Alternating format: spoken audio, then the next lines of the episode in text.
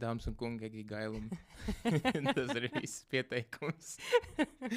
Dāmas un kungi, paldies! Jā, paldies, ka tu atnāci un paldies, ka tu atnāci padalīties ar to, ar ko tu dari. Um, 30, under 30, Forbes. Pastāst, kas tas ir un kā tu tur tiki un kā, kā tev aizsākās vispār uzņēmējdarbība. Oi, 30 zem 30 bija mans sapnis, man liekas, no kaut kāda, es nezinu. Nu, 13, 14 gadu vecumā, kad es ieraudzīju, vispār, ka tāds eksistē, tad man tas kļuva viss. Tas ir mans sapnis. Līdz ar to es paspēju ielikt, saprotu, jā, pēdējā gadā, yeah. 29 gados. Tā saprotu, jā. paspēju ielikt. Bet tātad Forbes 30 under 30 ir um, Forbes žurnāla organizēts. Nu, es nezinu, kā lai to nosauc. Tas kā saraksts cilvēkiem, ko viņi atlasa, plus ar ieteikumiem. 30 cilvēki, kuriem ir vecumā zem 30, sasnieguši katrā kategorijā nu, kaut ko, kas viņu prāt liekas īpašs. Yeah. Tur tās kategorijas ļoti daudz un dažādas. Es biju leadership and management, bet tad tur, piemēram, būs tehnoloģijas, tur būs jurisprudence. Nu, tiešām tā kā pilnībā visas kategorijas. Un tur nemēra, nezinu, cik tu esi nopelnījis naudu, bet tur mēra vairāk pēc tā, lai tu esi izdarījis kaut ko interesantu, kaut ko tādu, ka citi cilvēki tev iesaka, un citi saka, jā, jā, jā šo es zinu, šis ir rīktīgi labs cilvēks. Un, jā, nu, līdz ar to tas aizsākās Amerikā, un, tad, protams, visas pārējās valsts arī to pārņēma. Un, uh, un līdz ar to jā, viņi, viņi man beigās izvēlējās, nu, protams, caur ieteikumiem, un viņu iekšējā atlase. Mm -hmm. Es biju ļoti priecīga. jā. Um, un Es, es arī klausījos to, ka tu jau vairāk kā 15 gadus, man liekas, 14, 15 gadus iesaistīts Jūglas patvērsmē, un tu ah, ļoti jā. daudz palīdzi dzīvniekiem. Un, uh, Kā tev, kā tev vispār, kā tu nonāci līdz tam, ka tu gribi kaut ko tādu darīt, ko tu dari ar uzņēmējdarbību? Jo, kā, tad, kad es klausījos to tavu stāstu, es sapratu, ka tu esi tāds dabisks problēma risinātājs. Vienkārši, nu, tā kā, ok, šis nestrādāja, jāmēģina kaut kas cits, šis arī nestrādāja, jāmēģina kaut kas cits. Var pastāstīt kaut ko vairāk, kā tev bija tā, tā epifānija, kas, te, kas tev radās, tad, kad tu sāki palīdzēt tiem dzīvniekiem? Jā, nu, tu saprati ļoti pareizi, jā, bet tas bija. Nu, man liekas, kaut kādi 11 gadi, 12 gadi, nu, protams, tur plus mīnus. Es ieraudzīju žurnālā rakstu par patvērsmi. Tas raksts bija nevis pievienojieties mums palīdzēt, bet tas raksts bija tā kā ņemiet sunīšus no patvērsmes, jā, un, un tā tālāk. Un tā tālāk. Un man tajā brīdī likās, ej, bet šis būtu reāli krūta, ka es varētu viņiem taču arī palīdzēt. Un tad es piezvanīju viņiem uz to numuru, kur jāzvan, ka tu gribi paņemt kādu sunīti. Es paprasīju, vai es varu nākt viņiem palīdzēt. Yeah. Un tajā laikā, zinām, mūsdienās, protams, ir tā, ka tur visādi noteikumi, vecāki atļaujas. Tajā laikā pff, Ah, jā, protams, citā gada 11. Jā, protams, nāc jums palīdzēt. Tā nu es sāku tur darboties, tur vācu kakas pa voljēriem, yeah. mazgāju voljērus, devu ēst, vedu ārā. Un, un tad es sapratu, ka, nu jā, ir jau forši, ka es to daru. Bet tas nepalīdzēs baigi tādā nu, ilgtermiņā, tas nepalīdzēs tādā nu, large scale. Mm. Un uh, tad es izdomāju, hm, nu varētu rīkot kaut kādu pasākumu. Nu, piemēram, lielu labdarības pasākumu, kur cilvēks ziedo naudu, ir dalības maksa, tā nu, visa nauda aiziet tieši patversmē. Nu, mēs sākām rīkot tādu bešķinu suņu izstādi. Atradām dažādus sponsorus, kuri mums deva gan balvas, beigās jau sāka dot jau arī naudu. Jau tas bija kaut kāds, neatceros, trešais gads, kad mēs pierādījām sevi, jo visi mēdī bija ļoti atsaucīgi pret šo. Mm. Viņi mums katru reizi, visas 900 sekundes, LNT, TV3, visi brauc tajā laikā nofilmēt, jo tas bija kaut kas jauns, kaut kas nebijis vēl. Nu, Latvijā nebija bijusi bezšķirnes suņu izstāde, kur tiešām visi bija bezšķirnes suņi. Nu, tad tur vērtēja dažādās grupās. Bija garākā aste, kuplākā aste un uh, lielākās ķepas, mazākās ķepas. Nu, nu, pilnīgi viss tāds vienkārši smieklīgs lietas. Nu, tā mēs rīkojam, rīkojam to pasākumu, surot bāns, bet, nu, nu forši, nu, mēs tos dabūjam, tos ziedojumus, bet nu, tas arī nepalīdzēs baigi ilgtermiņā. Man likās, hm, Reāli tie politiķi, ot, ot, tie ir tie, kas reāli maina pasauli. Tie ir tie, kas reāli. Skaties, kurš var ietekmēt vairāk cilvēku. jā, tieši tā. Nu, nu, tie ir īstie. Es pievienojos tajā laikā, man liekas, nu, jā, jaunais laiks. Tad es pievienojos tajā partijā. Tad viņi tur pēc tam pārtepa, tur vienotība, bla, bla, bla. Yeah. Un, Un es sāku darboties, protams, jauniešu nodaļā, jo man bija kaut kādi 15 gadi. Uh, tu nedrīkst vēl iestāties īstajā partijā, tad es sāku darboties jauniešu nodaļā. Un, um, biju gan tur valdē, jaunieši aktīvi darbojāmies, tur, tur, tur visas priekšvēlēšana kampaņas, nu visu, visu, visu darījām. Un tā es tur arī biju kaut kādus pāris gadus. Un tad es sapratu, nē, nu, nu nav laikam gluži arī tā, ka esot tur, es tagad spēšu izmainīt visu to dzīvnieku aizsardzības sfēru. Tāpat, nē, protams, tur ir likumi, ko izmainīt. Ja mums būtu ļoti daudz budžets valstī, tad nu, būtu forši arī to budžetu atvēlēt, piemēram, dzīvnieku tēmām, mm -hmm. bet, nu, it is what it is. Un tad es sapratu, mm, nu jā, tad šis laikam manī baigi nestrādās. Yeah. Un tad es nonācu līdz tam, ka, ah, nu atbildi īstenībā ir tā uzņēmēja darbība. Jo tur tu, nu, tas, protams, nav tādā baigā īstermiņā, nu, citiem paveicās. Mm -hmm. Tas ir tāds ilgtermiņa projekts. Bet tu vari reāli kaut ko uzbūvēt, kļūt pats ietekmīgs, uzņēmums ietekmīgs. Tev ir gan resursi, gan finansiālie, gan uh, cilvēku resursi, kurus tu vari izmantot, lai palīdzētu tai visai tēmai dzīvnieku. Un tā nu es sāku, sāku mēģināt iet tajā virzienā. Startupi, visādas akcelerācijas programmas, nu visu, ko vien varēja, varēja tajā brīdī atrast. Un tad es sapratu, nu jā, ka līdz ko tev ir kaut kāds vismaz šis te, nu, uzticības status, es to tā sauktu. Mm -hmm. Tu vari izveidot, piemēram, tādu manu sapņu fondu, kur no sākuma tu pierunāt cilvēkus, saziedot naudu, kas būs dzīvnieku aizsardzības organizācijām, varbūt vispār sociālajām tēmām. Un tad tas fonds izmantoja dažādus finanšu rīkus, sāk pats pelnīt naudu, šos pasīvos uh, ienākumus. Un tajā brīdī no šī fonda var sākt izmaksāt dažādām organizācijām tādas kā algas, nu, kas nav piemēram tur, mm, vienkārši tur suņu ķeršanai uz ielām yeah. vai barībai, bet tās ir algas, lai šīs organizācijas var noalgot labus cilvēkus. Jo tā viena no problēmām, ko es sapratu dzīvnieku patvērsmēs, dzīvnieku organizācijās un vispār sociālajā visā tēmā, ne tikai ar dzīvniekiem, trūkst to reāli profesionālo cilvēku. Bet patiesībā ir pilns ar cilvēkiem, kas gribētu glābt dzīvniekus, kas gribētu palīdzēt veciem cilvēkiem, bērnu namos un tā tālāk. Mm -hmm. Bet viņi saprot, nu, ja viņiem pašiem ir divi bērni, viņi grib dzīvot kaut cik normāli, nu viņi nevar par to minimālo algu izdzīvot. Un, tad, protams, ka viņi aiziet strādāt kaut kādās lielās korporācijās, kur kaut kādā brīdī viņi pat zaudē šo savu nu, sajūtu, kāpēc viņi to vispār dara. Viņiem nav tā jēga pievienotā dzīvei. Un, ja būtu šāds fonds, kurš varētu subsidēt tās algas, lai tā alga ir reāli nu, kompetitīvi, yeah. tā kā tirgus līmenī, tad līdz ar to tās organizācijas mainītos nenormāli. Nu, pirmkārt, visi zinātu, vispār visas patvērsmes, visi zinātu par to, kas notiek, kas nenotiek, zinātu, kur vērsties, kas jādara.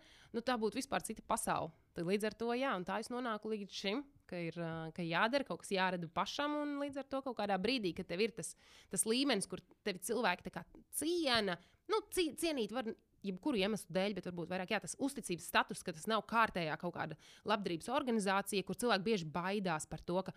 Ah, nu jā, nu tur jau izsaimniekos naudu, vai jā. tā nauda kaut kur pazudīs. Tāpēc tev ir nu, jāsasniedz kaut kāds kaut kāda reputācija, lai tie cilvēki nebaidītos no tā un zinātu, ka jā, tiešām, ka tev nav tā nauda vajadzīga, ka viņas pilnīgi simtprocentīgi aizies tam mērķim, kam tu ziedot to naudu.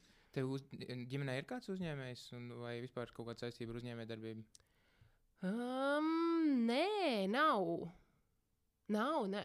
Mm -mm. Un kā, un kā, tev, kā tev bija tas, nu, tas posms, kad tu vienkārši, nu, tu gribi kaut ko tādu darīt, tu gribi darīt lielas lietas, tad tu gribi izlausties no tā visa. Ko, ko pārējie cilvēki apkārt saka par to? Man laikam ļoti noveicās ar tuviniekiem, jo ļoti bieži dzirdēts par to, ka, jā, nu, tava ģimene tevi neatbalsta un saka, tu, tu galīgi kaut kāds padomjāks vai vēl kaut kas. Bet man laikam ļoti, ļoti noveicās. Nu, vienmēr manai mammai varbūt likās, kā, nu, nu, ko es tur īsti nodarbojos. Viņa nekad līdz galam īsti nesaprata. Bet man nekad neviens neteica to, ka tu muļķībām nodarbojies. Yeah. Viņa atzinās citreiz, ka viņa satraucās par mani. Viņai likās, ka, ah, nu, vāc, nu, kā, vai nebūs tā, ka man būs 40 gadi, un es joprojām kaut kur pa mākoņiem staigāšu un meklēšu, ko darīt. Uh, nav tā, ka vēl joprojām nestraucās. Yeah. bet nu, tas bija tādā tikai satraukuma līmenī, bet viņi nekad nekad, piemēram, man neteica, tur nē, tur nē, to nedari. To. Um, laikam, Omīte man bija vienīgā, kur tiešām nu, satraucās tā, ka viņa man vienmēr teica, jo es gāju daudzas lietas. Nu, es joprojām tā daru. Bet daudz lietas arī jaunībā es darīju bez maksas. Mm -hmm. Es tiešām gāju, es atradu kaut ko, vienalga tas varēja būt uzņēmums, organizācija, vēl kaut kas. Ja es atradu kaut ko tur interesantu, es aizgāju un kaut ko darīju bez maksas. Tur pat strādāju bez maksas.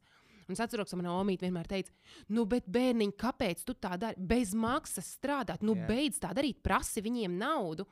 Bet man pat tas tik un tā neietekmē. Man tik un tā bija tā apziņas sajūta, nu, nē, Omī, tu nesaproti, es reāli tur iegūšu kaut ko vairāk. Man nevajag viņiem prasīt to naudu. Yeah. nu, tā līdz ar to man kaut kā noveicās ar to ģimeni. Tā, tā, nu, tā ir tāda lieta, ko, ko nu, tie, kas ir veiksmīgi, saka, nu, ka tev jāstrādā, ir, lai iemācītos kaut kādas iemaņas, nevis lai nopelnītu naudu. Un tu tagad saki, ka tev tas bija dabīgi, nu, ka tu vienkārši gribēji dabūt to feeling, ka tu kaut kam palīdzi. Un būs vēl tas, ka tu arī kaut ko iemācīsies, un būs tā pieredze. Mm -hmm. Jā, totāli, totāli. Tu vispār kaut kur strādājis, vai tu esi kā, nu, nu, kā bijusi visu laiku uzņēmējdarbībā un pīdījis kaut kādus projektus? nu, jā, uh, man ir viens čoms, kurš īsnībā. Viņš smieklīgi teica, viņš arī darbojās tur startup vidē un tā tālāk. Viņš reiz teica, ka viņš satika vienu no kursabiedriem, kurš viņam saka, nu, tur, kā iet, ko darat. Un, un, un tas kursabiedrs, ko viņš satika, tā, tad tur aizgājis korporatīvo karjeru, viss ir izdevies. Un, un tad viņš pagriežās pie manis, nu, ko tu vēl tur projektiņš bija. Yeah. nu, tas izklausās tik nenopietni. un, bet, jā, es strādāju. Vienreiz es aizgāju uz vienu uzņēmumu, kurš arī, bet tas bija tā kā sort of startup uzņēmums, bet patiesībā ne gluži. Mm -hmm. Man likās, ka tas ir startup uzņēmums, bet īstenībā tā ir reāli viena korporācija. Viņi bija izveidojuši atsevišķu bezmaz kā nodaļu, kurā viņi attīstīja jaunu produktu. Un ļoti mēģināja būt kā startups, bet mm -hmm. nu, reāli nesanāca. Un, tur viss bija tik ļoti corporate. Yeah. Un, uh, nu, un tā es tur mēģināju strādāt, un pēc gada man atlaida. Kāpēc? Ienāca, atceros, kāds īpašnieks ienāca kabinetā, aizvēra durvis, es sniedzu. Un tad viņam A4 lapa, viņš tā slidiņa pa galu. Nu, klau, nu, man liekas, ka mums ir jāpārtrauc tās darba attiecības. nu, man bija viss skaidrs. A, kāpēc tā bija? Tu jūti, ka tas nāk, ka, ka, ka tas papīrs vienā dienā ienāks tev uz galda paslīdēs vai... Es brīnījos, ka tas bija tik vēlu yeah. pēc gada. Jā. Nu, kā, es no sākuma biju tiešām entuziastiska, gribēju visu kaut ko darīt, un es sadūros pret to korporatīvo pasauli, pret yeah. to korporatīvo veidu, pret, pret sistēmu, pret procesiem. Man palika ļoti garlaicīgi un neinteresanti. Un es paralēli atradu jaunu projektu, un es sāku taisīt um, priekšvēlēšanu kampaņas tur pāris politiskajām organizācijām, jo es biju uztaisījis pasākumu aģentūru, jo nu, tā bija lieta, ko es izdomāju, hm, man nav īsti naudas. Ko es varu darīt? Ah, es varu uztaisīt pasākumu aģentūru, pierunāt klientus, maksāt 70% priekšapmaksā. Jo cerāk, es pat nevaru viņiem neko norganizēt. Un, un tajā laikā es biju jau tikmēr atradusi tātad šīs partiju apvienību, kuriem interesēja priekšvēlēšana kampaņa. Un es sāku to organizēt paralēli. Tā bija priekšvēlēšana kampaņa patiesībā Vēnspīlī pašvaldību vēlēšanās. Un līdz ar to es jau tajā laikā, kad es tur strādāju, oficiālā Rīgā, mm. es ik pa brīdim pazudu. Un uz Vēnspilsnu pie tam pazudu. Līdz yeah. ar to tas nav tā izskrējis stundu, tad ir trīs stundas ceļā turp, trīs stundas atpakaļ. Un, uh, nu, man liekas, ka tas īpašnieks pamanīja, ka es tā aizvien biežāk un biežāk kaut kur pazudu. Un uh, viņš saprata, ka nu, nebūs. Nu, nebūs. Nu, es tiešām es sāku aizvien mazāk darīt, jo man sāk palikt nu, neinteresanti, mm. garlaicīgi. Es nejūtu to nu, jēgu, kādēļ mēs to darām īsti visu. Un... Tev, tev visu laiku ir kā, vajadzīga tā sajūta, ka tu da, dari lielas lietas, nu, ka tu ietekmē vairāk cilvēku, un, un, kad, uh, un, un kad ir kaut kāda dinamika. Kaut kas mainās. Es tā dzirdu, ja pareizi. Jā, nu man ļoti. Man, es, es idejas, ja nav tas... problēmas, ka kaut kas nav kārtībā no sērijas.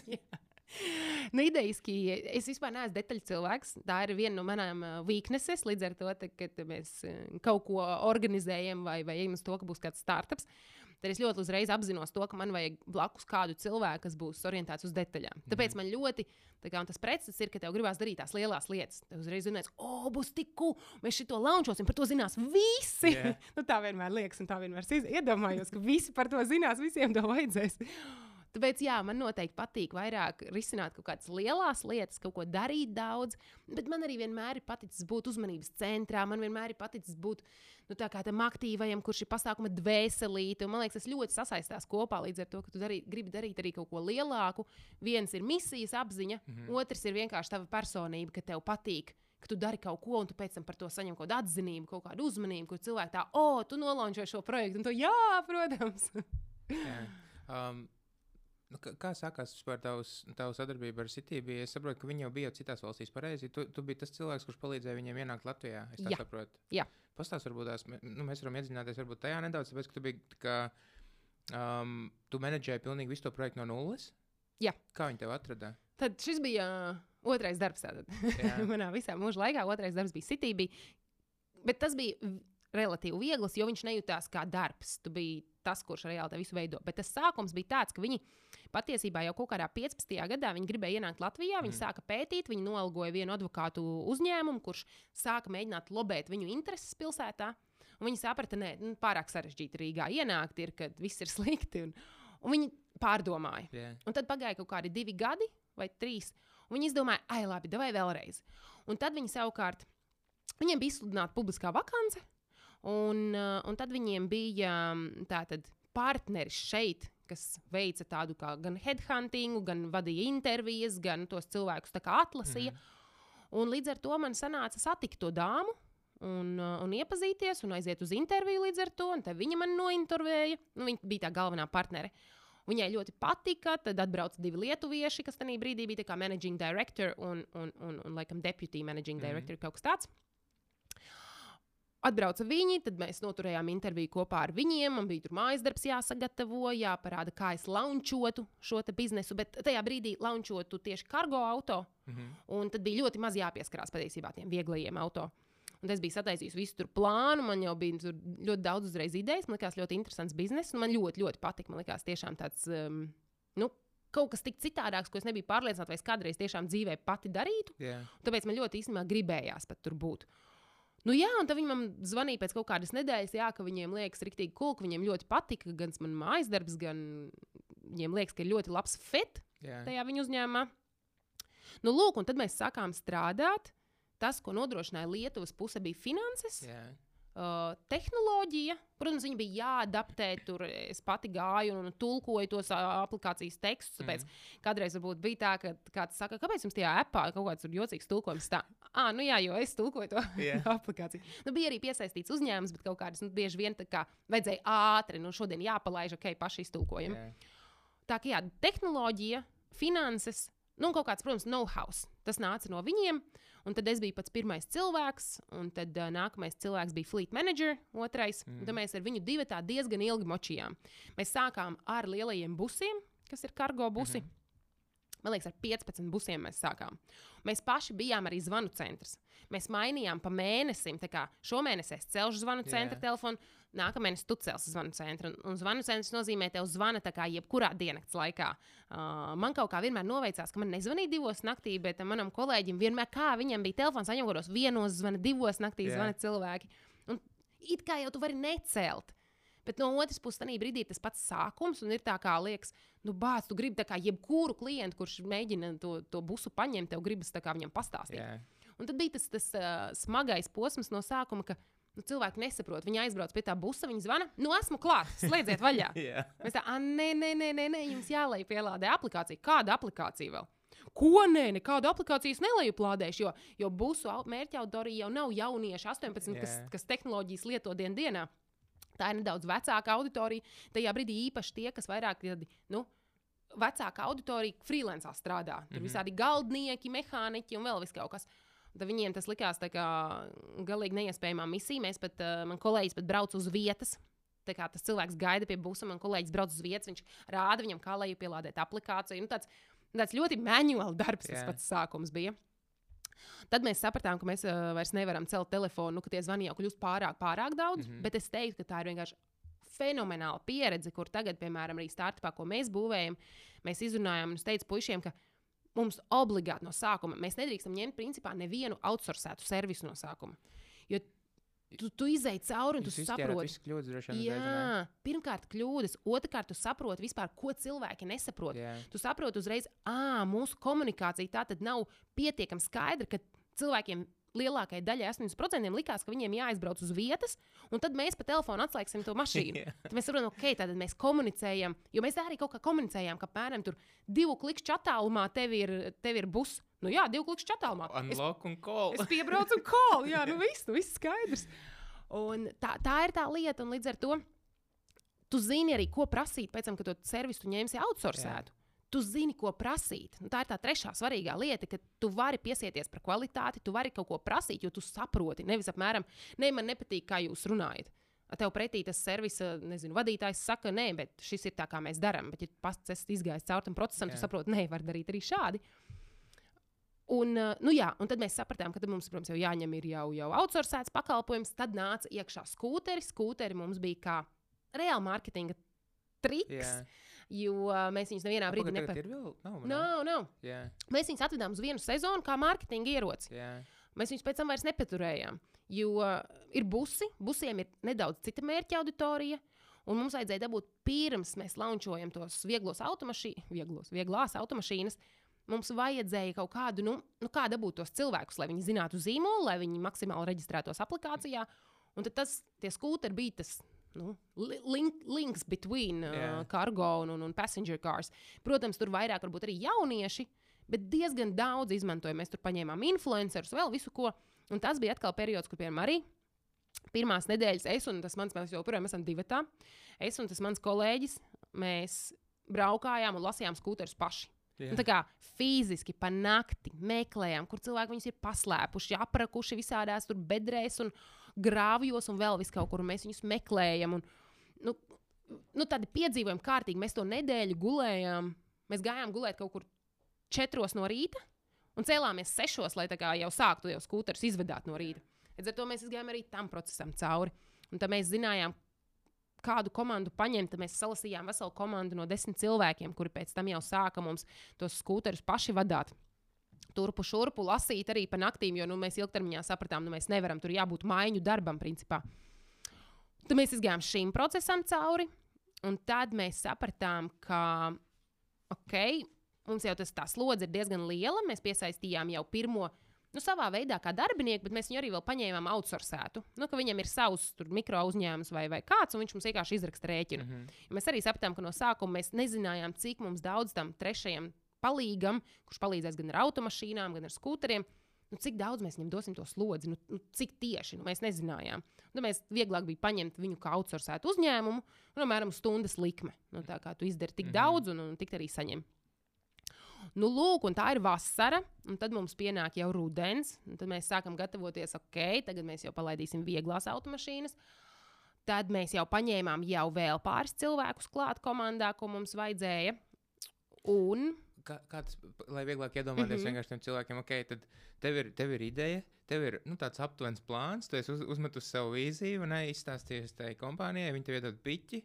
Viņi saka, ņem, tagad darbojies. Ah, nē, nē, nē. Tā, Vai... tas, tā tas īsti nestrādā. Nē, tas ir burtiski šis, tāpēc es teicu, šis ir kā mans otrais darbs. Jā. Tātad viņi kā uzņēmums grib izplesties Latvijā. Jā, jā to, to es sapratu, jā, bet viņi turēja rokas pulsu vai, jā, vai jā, jā, tā protams. bija uz tevi vienkārši. Nu? Nē, nē, viņi tur rokas pulsu, tāpēc ka viņi ir. Nu, Viņi, principā, nu, no sākuma tās pirmās automašīnas, yeah. viņi nopērk. Tad, ja mums neviens līzingu nedēļa tajā brīdī Latvijā vēl. Mm. Viņi tā tad, un tad, protams, viņi tur garantēja, un tad jau Latvijā deva tos līzingus un tā tālāk, bet nē, viņi tur rokas pulsa.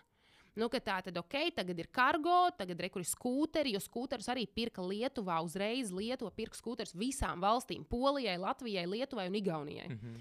Un Spānijai. Jo iepērkot tā, protams, tev ir vislētāk. Līdz ar to tas viss gāja cauri viņiem. Mums bija iknedēļas tāds kā atskaits, man bija jāatskaitās, ok, tagad esam izdarījuši šo, tagad to. Tas, kas bija mana atbildība, ir principā komanda. Yeah. Viss mārketings, viss ir hands-on. Mēs, nekā, mēs vienā brīdī izmantojām kaut kādu mārketinga aģentūru, bet nu, kaut kādiem darbiem, kā piemēram dizains vai vienu kampaņu mēs paņēmām. Nu, pēdējā gadā es mm. atļāvos mm. paņemt. Bet tā mums ir ļoti hands-on. Līdz ar to arī mārketings viss bija mans. Man pašai bija jāizdomā gan kampaņas, gan ko mēs darīsim, kā mēs to darīsim. Bet man palīdzēja Lietuvas kolēģi. Nu, vienmēr pie mums sazvanījos Lietuvas mārketinga vadītāju. Mēs izrunājam, izējām cauri, mm -hmm. saprotam, ko viņi var palīdzēt, man ko nevar palīdzēt.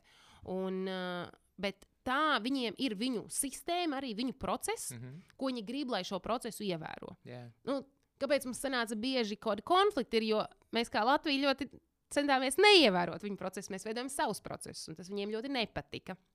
Mums tur bija ļoti daudz uh, jautru sarunu ar viņiem. Atkal, nu, tāpēc, ka mums likās, mēs labāk saprotam. yeah. Lai gan reāli mums jau nebija nekāda pieredze šajā, bet mums likās loģiskāk tās lietas Un, ko mēs izdomājām Jā. tajā brīdī. Un tad mums tur bija tur rīvēšanās ar lietuviešiem, lai gan nu, beigās jau bija lietas, ko viņi pat pārņēma atpakaļ no mums uz Lietuvu. Un kas viņiem likās, ok, labi, nu šis, šis ir fini, nu, kā, ka mēs darām labāk. Un tad bija lietas, ko mēs citreiz paslēpām. Nu, ka mēs izlikāmies, jā, jā, mēs veicam jūsu procesu, un patiesībā darām pa savam. Yeah. Bet nu, kā formāli tu izpildīji kā viņu procesu. Nekas jau tur uzņēmumam idejiski bija labāk no mūsu procesa, jo vienkārši tie tirgi, tu nevari, it kā liekas, Latvija, Lietuva nu, viens un tas pats. Nu, nav gluži tas pats. Mm. Mums ir citādākas sistēmas, piemēram, darbs ar servisiem. Mums ir citādāks.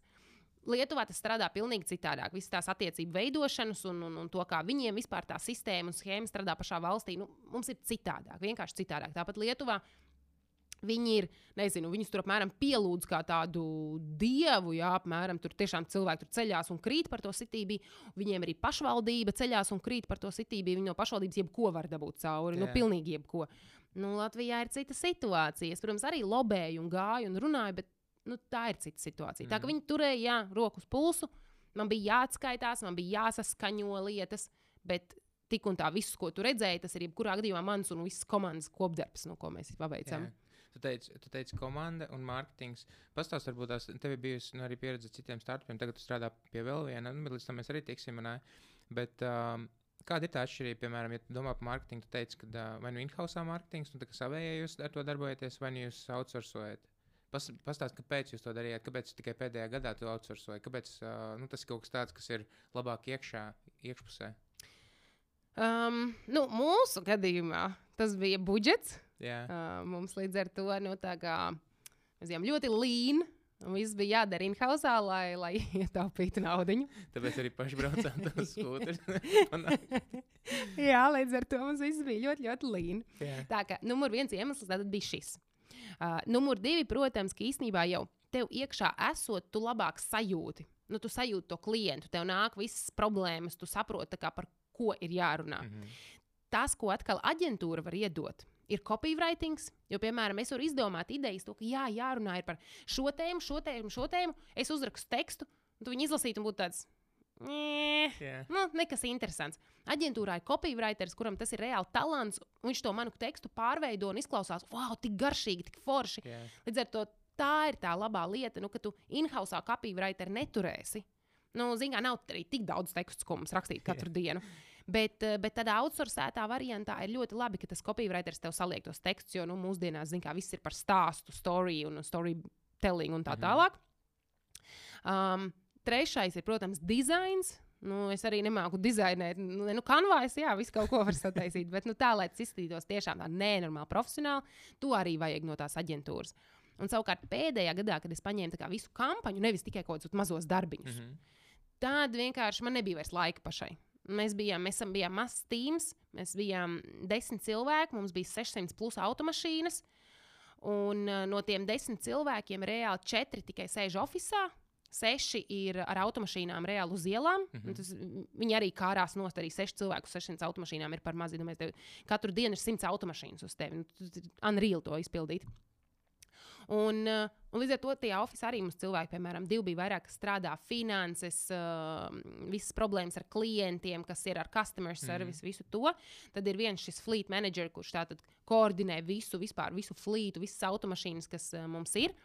Un tad esmu es, un tad es esmu kā country manager, kā marketing manager, kā HR, kā lobbyis uh, un, un, un, un viss cits, ko vajag aizpildīt. Yeah. Tad saprotu, ka kā vajadzētu uztaisīt tādu lielu, lielu kampaņu. Nu, nebūs laika. Yeah. Nu, nebūs fiziski laika. Un tad es pierunāju un pārliecināju lietuviešus, ka nu, atvēlam šim kaut kādu budžetu. Tad mēs paņēmām aģentūru, lai viņi arī izveido visu kampaņu. Gan tekstus, gan vizuāļus, gan vispār pašu ideju. Ne, lai gan ideja īstenībā nāca no mums. Bet viņi viņu apaudzēja. Mm. Nu, kā, kā, kā tam vajadzētu izskatīties, kādā stāstā to visu iekļaut iekšā, kā to pasniegt. Un, uh, nu, bija, protams, ļoti vienkārši, ka viņi to visu izdara, un tu tikai pasaki to ideju, to domu. Līdz ar to Es pilnībā saprotu, ka tu esi liels uzņēmums un tev ir finanses, ka tev ir tās aģentūras, jo viņiem uzreiz zem viena jumta ir visi. Tur copywriters uzreiz ar dizaineru aiziet kopā. Eju, klau, man liekas, reāli šis teksts neiedarās, un, un tas visuāls kopā, nezinu, ar šo burtu nesasaucās. Nu, kaut kas tāds, jā. Ja? Un, uh, un tā, tā ir tā cool lieta, bet man liekas, ka startupam jau tā noteikti ir jātaisa in-house. Izņemot, varbūt, brandingu. Nu, mēs, piemēram, arī tam jaunajam startupam, mēs ņemsim aģentūras izstrādi logu, uztaisa smuku. Uh, uztaisa reāli tur, uh, smukus vizuāļus, noformējumus. Nu, tādas lietas, kas atkal ir tās, ko mēs vienkārši nemākam, nu, jo mēs nevaram to visu uztaisīt. Nu, tā. to, to visu darot, nu, tajā brīdī vienkārši kā, nu, izklausās, ka šis tāds nopietnākais projekts, pie kura tu strādājies līdz tam? Līdz, jā, jā, noteikti. Tev bija kaut kādā brīdī, kad tu, nu, kā tu, kā tu vispār jūties, kad uh, tev bija kaut kādā brīdī, kad tu sāc domāt, ja, es nesaprotu šo, es nesaprotu to, vai kaut kādas šaubas iezogās, vai kaut kādas bailes nu, par to, ko tu dari, vai kaut kāda neziņa, vai, vai es vispār to varu izdarīt. Es zinu, ka tu gribētu dzirdēt, ka jā, bija, un tad es pastāstīju, kā es to tiku galā. Jā. Bet, nu, nē, nu, man īsti nebija. Nē. Nu, man, man ir tāds nedaudz jolo pieeja. Nu, kā, nu, kas ir tā kā worst thing that can happen? Nu, kas nu viņi man atlaidīs? Oh, no, nu tikai ne to. Jā. Yeah. Um, līdz ar to nē, man nebija pat īsti. Ne, bija daudz lietas, ko es nezināju, bet viņas manī neradīja stresu vai anxiety vai kādu depresiju. Yeah. Nē, vispār nē. Viņas vienkārši tā kā, ah, ok, šito es nesaprotu. Tā, skaties apkārt, okay, kurš to saprot, kurš man var paskaidrot, kurš var palīdzēt. Un, un tā mēs tur, piemēram, īpaši ar to manu kolēģi, kas bija fleet manager, ko mēs bijām no sākuma. Mēs ļoti daudz arī diskutējām. Nu, es esmu rīktīgi par to, ka, kā, ka visai informācijai ir jābūt pilnīgi pieejamai visiem kolēģiem, neatkarīgi no tā departamenta. Mm -hmm. Un tādā veidā ir ļoti viegli atrisināt lietas, ko tu nezini. Un tad, iespējams, tas cilvēks arī nezina, bet vienkārši brainstormojot par to tēmu, ir tāds, ah, makes sense, jo tas cilvēks pastāsta to citādāk. Tāpēc nē, man, man neradās tāda sajūta, ka tas nevarētu yeah. vai nezinātu. Nē, es diezgan, ai, Sajies, sajūt. izdomās, ja, ja, nu, ja nezinās, ko darīt, tad izdomās un atradīs, atradīs iespēju. Tāpēc kā pirms tam, kad vienkārši domā, kā atrisināt tās problēmas. Ne? Jā, nu tieši tā, tieši tā. Un, un kā bija tev, tev kā vadītājai? Nu, tu teici, ne, ka, kā, tu, tu minēji, ka tev patīk būt tajā uzmanības centrā. Mm -hmm. um, kas notiek tad, kad sāk tā komanda nu, veidoties aizvien lielāk un lielāk? Kā ir ar uh, cilvēku vadīšanu, ar komunikāciju? Oh, nu man, man pašai liekas superīgi. Bet tādēļ, ka es ļoti kēroju par cilvēkiem. Nu, ja tu esi manā komandā, nu viss es par tevi celšos un kritīšu. Vienalga, iespējams, tu būsi pieļāvis kļūdu. Yeah. Un idejas, ka man vajadzētu pateikt to, ka, jā, nu, tā kā klauma ir. Nu, Tu sataisītos sūdzu. Es tev to privāti pateikšu, bet, piemēram, kad mēs runāsim ar lietuviešiem, es tev aizstāvēšu ar, ar zobiem un nagiem par to, ka nē, Mairis nav vainīgs. Mm. Nu, vai arī es atzīšu, jā, viņš ir vainīgs, bet tā kā šādi ap, tā kā mēs to izlabosim. Un līdz ar to man bija ļoti viegla un laba tā komunikācija, jo nu, visi mani kolēģi, komanda, viņi jūta to, ka tiešām ka tas nav oh, nu, ķeksīts, tur kaut kāda vadītāja sēž un izpilda savus komandas, ko nezinu, dod par pirmiem lietuviešu. Yeah. Es vienmēr cīnījos par viņiem, centos, un, un līdz ar to es biju vienmēr ļoti atklāta. Ja kaut kas nepatika, tad mēs tā arī pateicām. Mēs šērojām visu, visu, visu informāciju. Es neko neslēpu. Nebija man noslēpumu, ka kaut kas, oh, šito nevar atklāt. Nē, mums ir piemēram menedžmenta sēde, sēde, nu, sapulce online ar Lietuvu, tur pārējām valstīm. Un tur ir visādi finanšu cipari un idejas, ka es zinu, Lietuvā un pārējās valstīs viņi nešēroja. Viņi tiešām nešēroja, jo tas ir kā, nu, nu, tikai tā kā menedžmentam.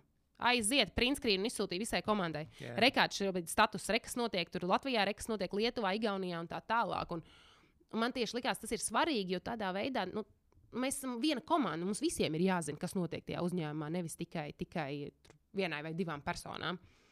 Līdz ar to, jā, nu man, man nebija grūti, tāpēc, ka es centos. Es tiešām man gribējās, lai visiem ir labi, lai visiem patīk tas, ko viņi dara. Mm. Un līdz ar to arī cilvēki pretēji bija ļoti nu, atbildīgi par savu darbu. Jo viņi saprot, ka, ok, ja viņi izdarīs labi savu darbu, es priecāšos, un līdz ar to es viņus ļoti, ļoti tālāk turpināšu viņus aizstāvēt un, un, un par viņiem cīnīties. Līdz ar to, jā, nu, līdz ar to tā ļoti, ļoti labi. Bet uh, nu, es pieņemu, ka, zināmā mērā, mans varbūt tāds vadības stils droši vien nestrādā tādā nu, konservatīvā korporācijā. Jo man ir tā sajūta, apmēram, ka cilvēkam jādod ir, ir totāla brīvība. Yeah. Ir jābūt vadlīnijām, ir jābūt uh, direction, kurā mm. mēs ejam, ir jābūt lietām, ko tu zini, kuras tev ir jāizdara un kur tev ir jāsasniedz rezultāti. Bet tālāk man neinteresē mikromanagements, man neinteresē, kā tu to dari, no kurienes tu to dari. Man interesē to, ka tu man pēc nedēļas atnāc, saki, jā, ok, šis ir izdarīts, šis ir izdarīts, tas ir izdarīts. Un tāpat, piemēram, parasti uzņēmumos ir šīs ikgadējās pārunas ar darbiniekiem. Ja? Un arī Lietuvā bija tā, ka viņi atsūta, un rekur ir lapiņas, un rekur ir jūsu jautājumi, un tagad ir jā, jāveic tās pārunas. Tā kā nevar jau skaļi teikt, bet mēs neveicām nevienas pārunas. nu, es viņiem nosūtīju tās lapiņas, jo man tās vajadzēja atsūtīt atpakaļ pēc tam Lietuvai. Yeah. Līdz ar to nu, citādāk viņi būtu dusmojušies, ja es neesmu atsūtījusi. Bet mēs neveicām tās pārunas, jo mēs visu laiku runājam. Mm. Nav tā, ka apmēram mēs ir nedēļa, un mēs nedēļā runājam tikai par darbu un visu, un tā kā cieti, un tad pēc tam pienāk gada beigas, un tagad mēs runāsim, nu kā tu jūties savā darba vietā. Vai tu jūties labi? Yeah. Klau, nu man liekas, ka tu neperformē šodien tik labi kā, kā pagājušajā dienā. Un nē, mēs runājam cauri visu laiku. Visu yeah. laiku mēs runājam par visu. Visi jutās arī nu, droši pateikt to, ka, klau, nu, es, es nevaru to izdarīt, vai es nesaprotu. Nu, es nezinu, ko, kā šeit rīkoties. Visi jutās, ka tas ir ok. Tev nav jābūt perfektam. Jā. Tas ir pilnīgi normāli. Un arī es vienmēr atzinu savus kļūdas, parādīju to, ka nē, es arī neesmu vispār perfekta. Kļūdīsimies kopā un iesim uz priekšu. Nu, tas arī varbūt tās ir tas iemesls, kāpēc tā kultūra tāda izveidojās. Tāpēc, ka tu esi tāda atvērta un tu arī saki, ja tu kaut ko nesaproti. Nu, nē, nu, kurš to var palīdzēt? Jo, zināmā mērā, tajās korporācijās jau nu, es pats esmu strādājis vairākos tādos uzņēmumos, kur ir nu, liels uzņēmums, daudz darbinieku. Un tev jau ir bail pateikt to, ka, ka tu nesaproti, jo kā visi tie lielie vecie, tie čiekuri tagad un visi tie vadītāji skatīsies uz mani, ne? un tad tu neatzīsti, tad tu tur kaut ko mocies. Tev ir itī viss besī. Tu nevari, tā kā tu saki, nerunā tikai vienreiz gadā, bet runā visu laiku, ne, un izsaka savas domas. Un tad paiet kaut kāds laiks, tas cilvēks tur nabaks sēž, viņš kaut ko nesaprot, viņam tas darbs besī, paiet trīs mēneši, seši mēneši, gads, divi gadi Viss, es eju prom, viņš aiziet pie vadītāja, tā kā viņam, zināmā mērā, sakrājies, ir viņš, nu, viņam tas, tas tā glāzi pilna. es aizēju. un tas vadītājs tā, wow, wow, wow. Nu, tā kā, viss kārtībā. Jā, viss ir kārtībā. Tu, zini, kā, tu ne, visu laiku neko nesaki, un tad vienā dienā pēkšņi tu uzsprāgsti. Un tā ir tā problēma mm. daudziem cilvēkiem. Vienkārši arī tad, kad, kad gribās. Nu, kad tu esi kaut kādā uzņēmumā un tu gribi iet pa karjeras kāpnēm, kāpt uz, tikt uz priekšu, ne? un tad pēkšņi vienā dienā tev besīk, ka tev pārāk maz maksā. Bet tu jau neprasīji. Jā. Cik tādu nav, kas vienkārši kas sēž besās, bet viņiem bail vienkārši paprasīt savu algu. Nu, viņi, viņi jūtās nenovērtēti, un tad viņi domā, ka viņi ies projām, viņi apvainojas. Jā, bet vajadzēja paprast pie tā vadītāja. Tev ir tik liela taisnība. Oprai Winfreyai es dzirdēju viņas to slaveno kvotu. Viņai tā, tas, tas, tas kvots saucās tā. Mm, You will get in life only what you have the courage to ask for. Jā, precīzi tas, ko tu aprakstīji. Jā, tieši tā. tā un, un tā arī ir. Un, un, un cilvēki vienkārši baidās. Un, un īstenībā tie, kas klausās, tas ir pats pats vieglākais veids, kā vienkārši, ja, ja tev ir kaut kāda gada mērķa, gribi pelnīt vairāk, aiziet pie vadītāja, paprasti lielāku algu. Viss. Nu, ja, ja, tas ir tāds cilvēks, kurš reāli ir gatavs sevi investēt un mācīties un darīt kaut ko vairāk. Nevis, nu, es te esmu desmit gadus, es gribu vairāk pelnīt. Nu, no sērijas ir arī tādi, kuriem ir tas, ne, ka, nu, es tur ilgas nosēdēju, es būtu pelnījis vairāk naudas. Bail cilvēkiem ir no atraidījuma. Viņam ir bail, ja man pateiks, nē, a, ko par mani padomās, ka es tagad prasu lielāku algu. Un, nu, kaut, tur ir kaut kāds tas mindsets, kur reāli ir bail paprasīt. Jā. Bet es arī zinu pati, ka arī man cerēs liekas, kā nērti, oh, nu, ko es iešu šito prasīšu. Un tad es mēģinu tajā brīdī, kā es to saprotu, es mēģinu sev salauzt to fakti, nē, Egija. Kas tas ir? Nu, tā kā par spīti aiziešu kaut ko paprasīt. Bet, bet ir tā pirmā emocija, ir tāda, ka apmēram, nu, nu, nu ko es tur iešu prasīt. Nu, ja nu, ja nu pateiks nē, tad tu jūties apmēram kā. Jā. Es nezinu, ilgs stūrī, nokaunināts kaktā un, un, un tā tālāk. Ja man liekas, ir ok, nu tev pateiks, nē, nu labi. Jā. Bet fakts, ka tev ir bail, iespējams, um, nu, tev tās bailes iezogās, tāpēc, ka tu jūti, ka tu tomēr nedari to, ko tu varētu darīt. Nē, nu, tu domā, piemēram, par tādu algu, mēs runājam. Ja, jebko, piemēram, ja tu, ja tu domā, ka tu esi pelnījis vairāk, bet tev bail prasīt, ir, tad varbūt tu īstenībā neesi pelnījis vairāk. Varbūt tu sev māni, ka tu baigi kaut ko labu dari, ka tu baigi performē. Bet īstenībā, ja tu, tagad, Ai, sapratu, tu nonāc līdz tam brīdim, kad ir jāprasa, un tad tu tā sāc domāt, un pats sāc šaubīties, bet ja nu es tiešām neesmu pelnījis. es sapratu tavu domu. Es domāju, ka kā, tur nav vienas pareizās atbildes. Es domāju, viens ir tieši kā tu saki, mm -hmm. kad īstenībā tu sāc objektīvi sevi novērtēt. Bet es domāju, pat vēl biežāk ir, mēs nemākam sevi objektīvi novērtēt. Zini to imposter sindromu. Yeah. Ja? Es domāju, ka īstenībā tas ļoti bieži spēlē to lomu. Mums pašiem nekad neliekas, ka mēs esam izdarījuši kaut ko tik īpašu, mm lai mhm. gan īstenībā, piemēram, esam. Bet tev ir tā sajūta, nu, mēs nevaram sevi novērtēt objektīvi. Es, piemēram, biju aizgājusi pie vienas sociāliņas. Man ļoti gribējās, lai man tā tad izstāsta, nu, piemēram, no malas, nu, kā liekas, kura ir tā mana personība, tas ir personības tipi yeah. un tā tālāk. Ja? Un uh, es pirms tam speciāli aizpildīju online testu. Es aizpildu, Un man sanāk, tur tā, ka jā, tur ir protams, ekstraverts, tur ir līderis un, un, un emocionāls. Mm. Tā kā super emocionāls. Un man tā arī vienmēr likās, ka es esmu nenormāli emocionāla. Yeah. Es aizēju pie viņas. Viņa man tagad izstāsta, viņa man tagad pastāsta tas, tas manas traits, un, un iedod man to lapu, un saka, nu, reku, šis ir tas tavs tips. Nu, protams, nav nekad tā, ka tu esi simtprocentīgi viens tips, bet nu, tā kā tavs nu, tas majority kā, iezīme. Jā, jā, jā. Es skatos, miksā tur ir. Jā, jā. Un es skatos, saku, bet nu, tur nav nekas par emocionalitāti. Viņa saka, klau, nu, es izpildīju to testu, man sanāca, re, ka es esmu šausmīgi emocionāli. Viņa saka, jā, jo tu nekad nevarēsi sevi novērtēt. Visi tie testi, saka, principā ir diezgan bezjēdzīgi, online pilda, jo tu nemāki sevi novērtēt. Mana viena no iezīmēm bija tā, ka tā kā es esmu tāds baigais ekstraverts, un kādēļ man prasās tā uzmanība, ir, jo es tādā veidā uzsūcu informāciju. Mm -hmm. Man vajag no tevis izdzirdēt kaut ko, lai es uzsūktu informāciju un veidotu tādā veidā arī viedokli par sevi. Nu, vienkārši tāds ir mans tas tips. Un saku, līdz ar to, ja tev kāds trīs reizes pasaka, ai, nu, Egīna, vienkārši emocionāli, ai, tu esi emocionāli. Es to pieņēmu, ka es esmu emocionāli. Yeah. Un man likās, ka es tiešām esmu emocionāli. Un tad, kad viņi man izskaidroja, kas ir emocionalitāte, Un kas patiesībā ir tas, ko cilvēki man saka, ka es esmu emocionāli, ir patiesībā nenormāls passion, nenormāla enerģija, ar kuru vienkārši es varu iedegties par visu un strauji runāt, ātri runāt, skaļi runāt un tā tālāk. Izrādās, tā nav emocionalitāte. Yeah. Emocionalitāte tā, ko es tev off-camera stāstīju par to šovu, kur es nespēju īstās asaras izspiest tajā brīdī, yeah. kad vajadzēja tā ir tā emocionalitāte. Un īstenībā emocionāli viņi teica, es esmu diezgan tā kā, nu, ļoti bieži cilvēki ir aizvērušies ciet. Mm. Nu, emocionāli tu pat neļauj, nu, tev varbūt ir emocijas, bet tu viņus pat tur iekšā. Tu izrādi tikai tās emocijas, kuras tu izvēlies izrādīt. Nu, kad vienmēr tur esi super priecīgs un tā tālāk. Un līdz ar to es domāju, ka tas sasaucās kopā ar to, ko tu saki, ka cilvēkiem ir bail. Viņi varbūt tajā brīdī domā, nu jā, nu es jau iz, nu jā, nu īstenībā es neesmu pelnījis, nu ko tad es tādu izdarīju. Bet tāpēc tas varētu būt arī mēs nemākam sevi novērtēt. Jo varbūt tev kāds kolēģis kādreiz izteica kaut kādu komentāru par to, ka, ai, nu, a, kas, tavs projekts ir īsi, reāli, mans projekts ir tas grūtais. Jā. Un visu, un tu to pieņem savā galvā, "Ā, nu jā, nu mans jau projekts nekas īsti nav, nu jā, kāpēc tad es iešu prasīt to naudu? Nu, ka, ko, ko tad es teikšu? Bet, eh, bet es ieteiktu noteikti tie, kas iet prasīt, sagatavot sev kaut kādus piecus punktus. Reāli var iz, nu, izdomāt no tiem projektiem, ko tu dari, vai kā salikt punktus. Es izdarīju to, sasniedzu to, izdarīju to, nu tā, lai tomēr, kad ir, ja ir tā diskusija, ja ir kaut kāds resentment par to, ka nu, īsti negrib tev paaugstināt algu, mm. lai tu vari izstāstīt objektīvi argumentus un uh, paskaidrot. Jā. Nevis vienkārši, nu, a, a, kāpēc tu gribi augstāku algu. Nu, man vienkārši gribās. Jā. Nu, Vai arī, un, un tad papildinot to, ko tu tagad saki, ok, es gribu augstāku algu, tu, ja tev ir tie argumenti, pasaki, ja tev nav argumenti, vienkārši pajautā, um, kas man jādara, Jā, lai es pelnītu vairāk. Un viss, un vienkārši Mhm. tad, tev, tad tev tas vadītājs, ja viņš būs sakrīgs vadītājs, vienkārši iedos tos punktus, un, un tu jau nākošajā gadā jau pelnīsi vairāk, ja tu vēl tur nebūs izbēsījies. Oh, bet šitā, šit, šā ir re, reāli labs Jā. ieteikums. Tur reāli paprast, kas man jāizdara, lai Jā, es lielāku gribu algu. pelnīt vairāk, pasaka man, lūdzu, kas man jāizdara. Ir. Un tad viņš gan jau izdomās kaut kādu kosmosu, ko tur tev pielikt klāt pie darba pienākumiem. Bet cool, tev būs reāla motivācija. Vin, būs tā kā win-win. Jā. Nu, tu būsi ieguvējis, jo tu zinās, kas tev jāizpild. Un, un tas reāli darba vadītājs, mm, viņš reāli iegūs tā kā nenormāli motivēt cilvēku, kurš kā tagad ieslēgs piekto ātrumu, lai visu izdarītu. Jā. Labs. Um, un tad, kad tev ir tu saki, tās emocijas, un tev likās, ka tu esi emocionāli, bet izrādās, ka tā ir vienkārši kaislība, ja tas passions uz kaut mm -hmm. Mhm. ko. Um, ko dari tajos brīžos, kad, kad tev ieslēdzas tomēr tās emocijas? Nu, mums visiem viņas ieslēdzas, un ir kaut kādi brīži, kad mēs pieņemam um, lēmumus emocionāli. Jā. Kā tu paliec malā tās emocijas tajā brīdī? Nu, kad, kad ir kaut kāds vai nu besis, vai kaut kas ir nesanāk, un, un tad nu, tu tomēr tiec līdz tam, ka tev ieslēdzas tās emocijas. Nu, zini, kā es. eh, Ir tā, ka ir brīži, kad es vienkārši tiešām es, es atļauju emocijām vaļu.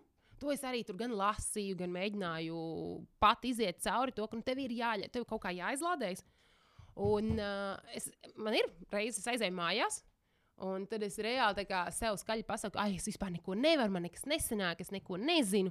Aizmetu visu pa gaisu un kā sēžu apmēram divānā un nezinu, tad viss, viss, tā kā nekas tagad vairs nebūs dzīvē, vispār vairs nekas neinteresē. Un es ļauju sev šitā izlādēties. Tad es izlādējos, izlādējos. Es sāku justies labāk. Kā, es ļauju sev pažēlot arī. Jo nu, ir tā, ka mums reiz ļoti gribās sev pažēlot. Mums gribās, lai kāds cits mūs pažēlo, bet pietiek ar to, ja mēs paši sev pažēlojam. Un, uh, un tad es kaut kā saprotu to, ka, nu jā, bet in reality es taču gribu tās lietas, vai ne? Nu jā, gribu. Nu, tad nāksies saņemties, nu jā, nāksies saņemties. Un, uh, un tad man vienmēr bija tā sajūta, nu, zin kā, nu, vienkārši sāc to darīt. Nu, tā lieta, par ko tu izbēsījies, tāpēc, ka nesenāc, nu, vienkārši sāc, nu, tā kā mēģini kaut ko. Nu, kā visgrūtāk parasti ir tāpēc, ka viss ir tāds kaut kāds, nezinu. Liela gūzma informācijas, un tad, tu, kad tu tiec tai pirmajam posmam pāri, tad īstenībā paliek vieglāk. Līdz ar to, jā, es ļauju sev izbēsīties, un, un tad es vienkārši atgriežos atpakaļ tajā, ok, labi, let's do this, jo es atceros, ka nu, tik un tā ir tās lietas, ko es gribu darīt. Un tad es vienmēr iedomājos, pie sevis iedomājos, nu jā, un tagad. Nu, tā kā visi tie dzīvnieki, kuri cieš, un tad es iedomājos tos šausmīgos stāstus, un šausmīgi pastos, un īpaši vēl pastos kaut kādus video, tad internetā, un tad man paliek šausmīgi bēdīgi, un tad man liekas, ka ārprāts, un par ko es te vispār tagad besos, un, un, un vēl paliek vēl žēl, un tad es sāku raudāt, tāpēc, ka es redzu tos nabaga dzīvniekus, kur tur cieši, un tad man liekas, nē, nu, ok, labi, nē, nu, man ir jāstrādā, man ir jāsaņemās. Nu, tāds apmēram notiek mans process. Un tad nākamajā dienā tu cēlies Jā, un atkal kārtībā. viss ok. Ir. Man ir ļoti ātri tāds augšā, lejā, augšā, Jā. lejā, augšā, lejā. Es, es ļoti ātri varu nokrist. Nu, ka tā kā jā, būs tā kā viss slikti, bet es, es tieši tikpat ātri, es jau pēc, pēc desmit minūtēm būšu aizmirsusi, un tā kā ok, viss, viss ejam uz priekšu. Es arī uz cilvēkiem nespēju īsti apvainoties un, un turēt kaut ko. Mēs varam sastrīdēties, tev nu rīktīgi sastrīdēties. Mm. -hmm. Nu, paies 15 minūtes, un man būs, ah, čau, Maija, nu tā kā ok. Ejam pusdienās. Nu, Man, man, pa- man ātri pāriet. Nu, es nezinu, nu, protams, ja tu kaut ko nenormāli, es nezinu, ļaunu izdarītu. Nu, tur nezinu, tagad manā klātbūtnē te nodarīt pār dzīvniekam. Nu, ok, fair enough. Tas, laikam, būtu tas, ko es nespētu nu, piedot. Bet citādāk, mm, man ir tiešām bijis situācijas, kur cilvēkiem liekas, ka nu, viņi vēl tur kaut kādu aizvainojumu vai kaut kādu grudge, pat nevis aizvainojumu, kaut kādu grudge on me. Nu, viņiem liekas, ka mēs tikko tā kā nēstī parunājām, tā nu, neforšos toņos. Mhm. Un, un pēc piecām minūtēm mēs sazvanāmies, un es runāju tā, it kā nekas nekad dzīvē nebūtu noticis. Un tad, tad viņi vēl joprojām tā kā jūt to, ka, nu, nē, nu, kā mēs tikko ar tevi runājām, un tad viņiem vajag izrunāties, un tad mēs izrunājamies, man, bet man no, tur. Tur nerodas tās emocijas. Man liekas, nu, kā, jā, tajā brīdī es uzsprāgu, es viņām ļāvu vaļu, es pateicu, ko es par tevi domāju. Yeah. Viss! Tā kā ir viss kārtībā, pēc desmit minūtēm viss ir labi. Jā, mocam tālāk. Nu, jā, tieši tā. bija. tieši tā, jā. jā. Tas, tas City bija, ne, nu, lai pabeidzētu to vienkārši to, to stāstu par City bija. Um, kas bija tas, varbūt tas ir kaut kāda lielāka, es nezinu, vispār fuck up grazīs stāstu, kur tie, tie da, da, nu, cilvēki darījuši, kas tās mašīnas ņēmuši. Tur, mēģinājuši tur nozagt vai, vai vaduši kaut ko tur traukt. O, jā, um, ir ļoti daudz stāstu, ļoti, ļoti daudz stāstu. Bet tad pāris, varbūt tādi spilgtākie, ir, kā čaļi centās nozagt automašīnu. Mm, viņi, es neatceros, kaut kāds no kazino, kur viņi tur dzēra. Viņi iepazinās kaut kādu trešo čalu, divi, divi draugi iepazīstās ar trešo. Kaut ko tur sadzer, sadzer, sadzer, pierunā paņemt viņa telefonu. Caur viņa telefonu nobuko sitībī, atslēdz sitībī, yeah. ieliec iekšā. Tas čalis pat ir pilnībā jau nu, gandrīz komā no alkohola. Viņš pat nesaprot, kas notiek. Tie divi draugi tagad aizbrauc to mašīnu. Uh, vienkārši viņu principā iznīcina visu GPS, visu, visu izrauj ārā, visas iekšas izrauj ārā, izmet. Un aizbrauc, pazūd. Un tā kā viss, un, protams, mēs no rīta, tas notiek naktī, mēs no rīta pamostamies un konstatējam, ka principā mašīna ir pazudusi. Um, nu, divas dienas viņa bija pazudusi. Trešajā dienā policija viņu atrada. Tā, es varētu teikt arī to, ka tiem cilvēkiem, kuriem liekas, ka kā, nu, mūsu policija nestrādā, yeah. nē, īstenībā viņi strādā diezgan labi. Jo, nu, es saku, labi, it kā divas dienas, bet nebija nekādu īsti pavadienu. Nu, bija rekurmašīna, kur ir pie tā kazino pazaudējusi GPS. Ir kaut kādi divi draugi. Tas bija kaut kāds tur, tur kreisais, kas zina, tur nekādu ne kameru, nekā nav, nekādu aculiecinieku nav. Bija tumšs nakts, tas čalis komā bija vispār neatcerās, ka viņš ar kādiem citiem diviem čaļiem ir runājis. Mm -hmm. kā, Un līdz ar to ne, un policija reāli atrada divu dienu laikā. Viņi, viņi atrada mūsu mašīnu, kur tur bija slēpuši, viņa kaut kādā imantā vai kur tur, kur tur. Mm, un šis bija Tāds labs gadījums, kur, kur mēģināja nozagt. Tad bija puisis, kurš um, apzaga mājas Jēkabpilī. Man liekas, tā bija Jēkabpils. Varbūt kļūdos, bet nu nav tik svarīgi. Viņš apzaga kā privātu mājas. Un, uh, protams, ka tāda tiek ziņots policijā, un tagad atbrauc pie mums uh, krimināla policijas priekšnieks, un viņš tagad skatās visu GPS, kur tā, tā mašīna ir apstājusies, kur viņa ir braukusi. Jo, jo ziņots bija, ka bija ar City bija automašīna yeah. tajā rajonā, un mēs, protams, ievelkam to. Um, nu, area, to rajonu, kas yeah. ir tur. Mēs uzreiz atrodam, kur mašīna tur ir bijusi, kad viņa tur ir bijusi, kādos laikos. Nu, mēs tagad to mašīnu izsekojam, visu apskatāmies. Un tas policists saka, ah, viņš arī šito māju apzaga un to māju apzaga, jo tās vēl nebija ziņojušas. Yeah. Bet viņš ir pie katras mājas kaut kāds 30 minūtes apstājies un stāvējis. Tad ar to ir skaidrs, un viņš, protams, pēc tam tur sazinās tiem mājas īpašniekiem. Jā, protams, viņi arī iesniedz to iesniegumu. Nu, un, protams, tagad, nu, kā, nu, bet tu jau esi reģistrējies kaut ko, vai ne? Nu, te nāk tā labākā daļa viņš paņēma mammas kontu. Yeah. Viņš uz mammas konta aizbrauca un apzaga mājas. Un ir tāds, ah, nu, tā kā nopietni. Nu, tā kā, nu, nu, on, pirmkārt, kāpēc tev likās, ka tevi neatradīs? Šis ir tik vienkārši. Yeah. Nu, bet es teiktu, tie laikam tādi iesācēji. Mūžs dzīvo, mūžs mācās. Tad bija. Tad bija čaļi, kuri veda kokaīnu slēpt uh, olainas mežā. Yeah. Un tur katru otro nakti brauc uz Olainas mežu vienā un tajā pašā punktā. Un, un, un roku, nu, līdz ar to tur nav diži liela, kā, jābūt pārāk gudram, lai viņus atrastu. Ne, mēs, protams, nemeklējām viņus, jo, nu, kā, nu, mašīnas visu laiku kaut kur braukā. Yeah. Mēs jau neskatāmies, kur mašīnas 600 braukā. Bet, nu, tā kā pietnāk policijas kā, pieprasījums iesniegt kaut kādu informāciju par konkrētu, atkal, konkrētu rajonu Tad līdz ar to ļoti ātri, ah, jā, šie katru otro dienu piebrauc kaut kādu stundu tur ir. Nu, viens, protams, policija atrada to aprakto kokaīnu, visu, visu atrada. Nu, tā kā. un tā laika pa laikam nu, cilvēki mēģina, viņi aizmirst laikam, ka tur ir GPS. Mm. Viņiem liekas, laikam, ka nav. Un tagad policija īpaši, piemēram, arī, kad bija Um, nu, tā šaušana pie mēbeļu nama, ja? cik tur tagad, es nezinu, jau gadu atpakaļ, tas jau bija ne vai mazāk, pusgadu atpakaļ. Uh, tad arī policija uzreiz, momentāli nākamajā dienā ir pie mums iesniegums iesniegt tādā un tādā laika posmā uz tās ielas visas braukšās mašīnas, kas mm. ir braukušas. Nu, ka, ja no sākuma tas vēl nebija tik labi zināms, tad tagad kā kaut kas notiek publisks. Tā momentā uzreiz ir pieprasījums mums, eh, saprotot, ka cilvēki ļoti bieži izmanto nu, sitību automašīnu. Tajā gadījumā, protams, nebija iesaistīts viens yeah. sitību automašīna. Bet jebkurā gadījumā viņiem tas ir kāds tagad automātisks process, uzreiz pieprasīt informāciju no mums. Un, un tad bija, protams, ar skūteriem arī bija jautrības. Tur, mm, viens ir tas, ka cilvēki tur met, protams, tur, tur kanālā iekšā, upēs iekšā, zog, ved kaut kur uz mežiem, liek vilcienos iekšā. Un tad bija viens džeks, kurš uh, skūteri ir ienesis savā dzīvoklī, uzlicis uz balkonu. Mēs bijām noslēguši līgumu ar Koblenzu. Un uh, mēs sakām, nu, ka ka kaut kur tas skūters tajā rajonā ir un tie koblēņš džeki, kad ieraugā, nu, re, kur stāv. Tad viņš tikai uzlika uz balkonu un, un izslēdz ārā nu, to savu braucienu. viņš vienkārši, viņš pat nebija sācis braukt, viņš vienkārši paņēma to skūteru, pacēla, uzlika sev uz pleca un aiznes mājās. Yeah. Un tagad tie koblēņš ceļi aiziet pie viņa, nu, piezvan pie durvīm un saka, nu, es atvainojos, jums tur, nu, City bija piedarošs skūters. Yeah. Ah, nē, viņa tā, nu, ko nē? Nē, nē, tas mans. Kāds ir tavs? Nu, mans. Es viņu nopirku. tā, ne, nu, tā kā, tu nevari viņu nopirkt. Nu, tad beigās tur vārds pa vārdam, vārds pa vārdam. Viņš atdeva to skūteri atpakaļ. Bet, kā, mēram, no sākuma vispār spēlē, nē, neko nezinu, tas mans skūters. Jā. Un tad bija degpunktā arī. Es nezinu, vai tu redzēji to sižetu. Es redzu, tur, tur arī komentēju, liekas, to gadījumu. Ne kaut kādu. Un tas, kurš bija, kurš, kurš, kurš, kurš čalis bez, bez apaviem vai čībām brauc ar to. Jo mēs bijām bieži degpunktā, diemžēl. uh, bet tur bija pa brīvu. principā, jā.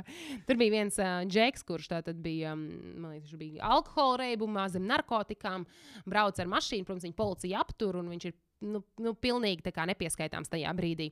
Un, uh, jā, viņam ir uzdāvināta šī mašīna. Uh, viņam kas tur kaut kādi radi vai kas tur uzdāvinājis šo mašīnu. Bet vispār viņš tur brauc tādēļ, ka viņam nav dators. Un, un, ne, vai čības viņam nav tādēļ, ka viņam nesot datora. Nu, tu, tu vari atrast YouTube to, to video, un ārprāts. Nu, es nezinu, nu, nu, nu, tādi cilvēki sēž pie stūres, tas jau vien ir fenomenāli un ļoti bēdīgi. Bet nu, tas sižets ir, viņš runā, viņam uzdod normāls jautājums, viņš tādas muļķības tur stāsta par to, ka jā, viņam automašīna ir uzdāvināta, viss kārtībā, viņš jau var drīz braukt. Un, nu, nu, visu laiku tā kā, tas tāds. Jā. Um, Konstanta jautājuma. Nu, nespēju, nespēju pārsteigt to, cik interesanti cilvēki apkārt dzīvo. Ne? Jā, nu, vienā brīdī man bija tā, ka, ja es vienmēr esmu bijusi ļoti pozitīva, uh, Un man vienmēr liksies, ka, nu, ka sabiedrība ir, ir, ir laba, sakarīga. Tad es atceros, ka tur pēc kaut kāda pirmā vai pusotra gada man bija tāda vilšanās sabiedrībā. Man liekas, ārprāts, nopietni, nopietni šī ir sabiedrība. Yeah. Un es saprotu, ka tā jau, protams, arī ir tāda viena maza daļiņa, bet vienkārši, ka tev tā mazā daļiņa ir katru dienu. Jā, un tad, kad tu viņu beidzot redzi, to mazo daļiņu, jo parasti mēs tā. neredzam viņu, mēs tā kā nefokusējamies. Nu, mēs viņu tur dzirdam degpunktā, bet tas nav ar tevi tieši saistīts, līdz ar to, to neuzņem. Jā. Tad man bija vilšanās. Um, tu pirms, pirms tu sāki City, bija, tev bija vēl viens projekts um, ar to e-veikalu, tu arī sākumā minēji. Mm -hmm, mm -hmm. Tas bija, un, bet tas bija tieši par tavu tēmu, tas bija par uh, uh, zooveikals, vai ne? Jā, tas kas bija. Kas bija lielākais, varbūt tās, nu, tā kā patinot atpakaļ, vai ne? Tas, nu, tev tur neaizgāja. bet pastāst, kas bija tā lielākā mācība, ko tu iemācījies no tā, jo tas arī bija viens no taviem projektiņiem. Jā, šis bija tā kā mans izcilākais projekts ever. Tas bija pats, pats, pats pirmais. Nē, nu jā, nu pats pirmais kā it kā biznesa, ko man likās, nu mēs tagad reāli rīktīgs biznesmenis yeah. ar divu tādu, vienu meiteni. Uh, tad atvērsim zooveikalu internetā. Vēl tā nebija tā kā e-commerce, kā tagad, ka visi pārdod visu internetā. Līdz ar to mums likās, mēs esam ļoti inovatīvs, rīktīgi stilīgi, labi, jā, pierģistrējam uzņēmumu. Ir sijā. Kurā gadā tas bija? Tas bija sen atpakaļ. Jā, tas ir kaut kāds 2013. gads. Jā. Tā tas ir ļoti sen. Tad jau diezgan inovatīvi arī bija. nu, jā, tieši tā. Un tagad pierģistrējam uzņēmumu Un sākam domāt, nu, kas ir tās lietas, ko tev vajag kā uzņēmumam. Yeah. Un tā tad tas ir zooveikals. Tad mums vajag preces, ko pārdot. Fair enough. Kas vēl ir uzņēmumiem? Viņiem ir oficiāli. Jā, fair enough. Uzņēmumiem ir oficiāli. Nu, sākam ar šīm divām lietām. Mēs paņemam no SMS kredīta LV uh, aizdevumu. Yeah. Kaut kādus tur neatceros, cik tur 400, 400 tos latus tajā laikā vēl.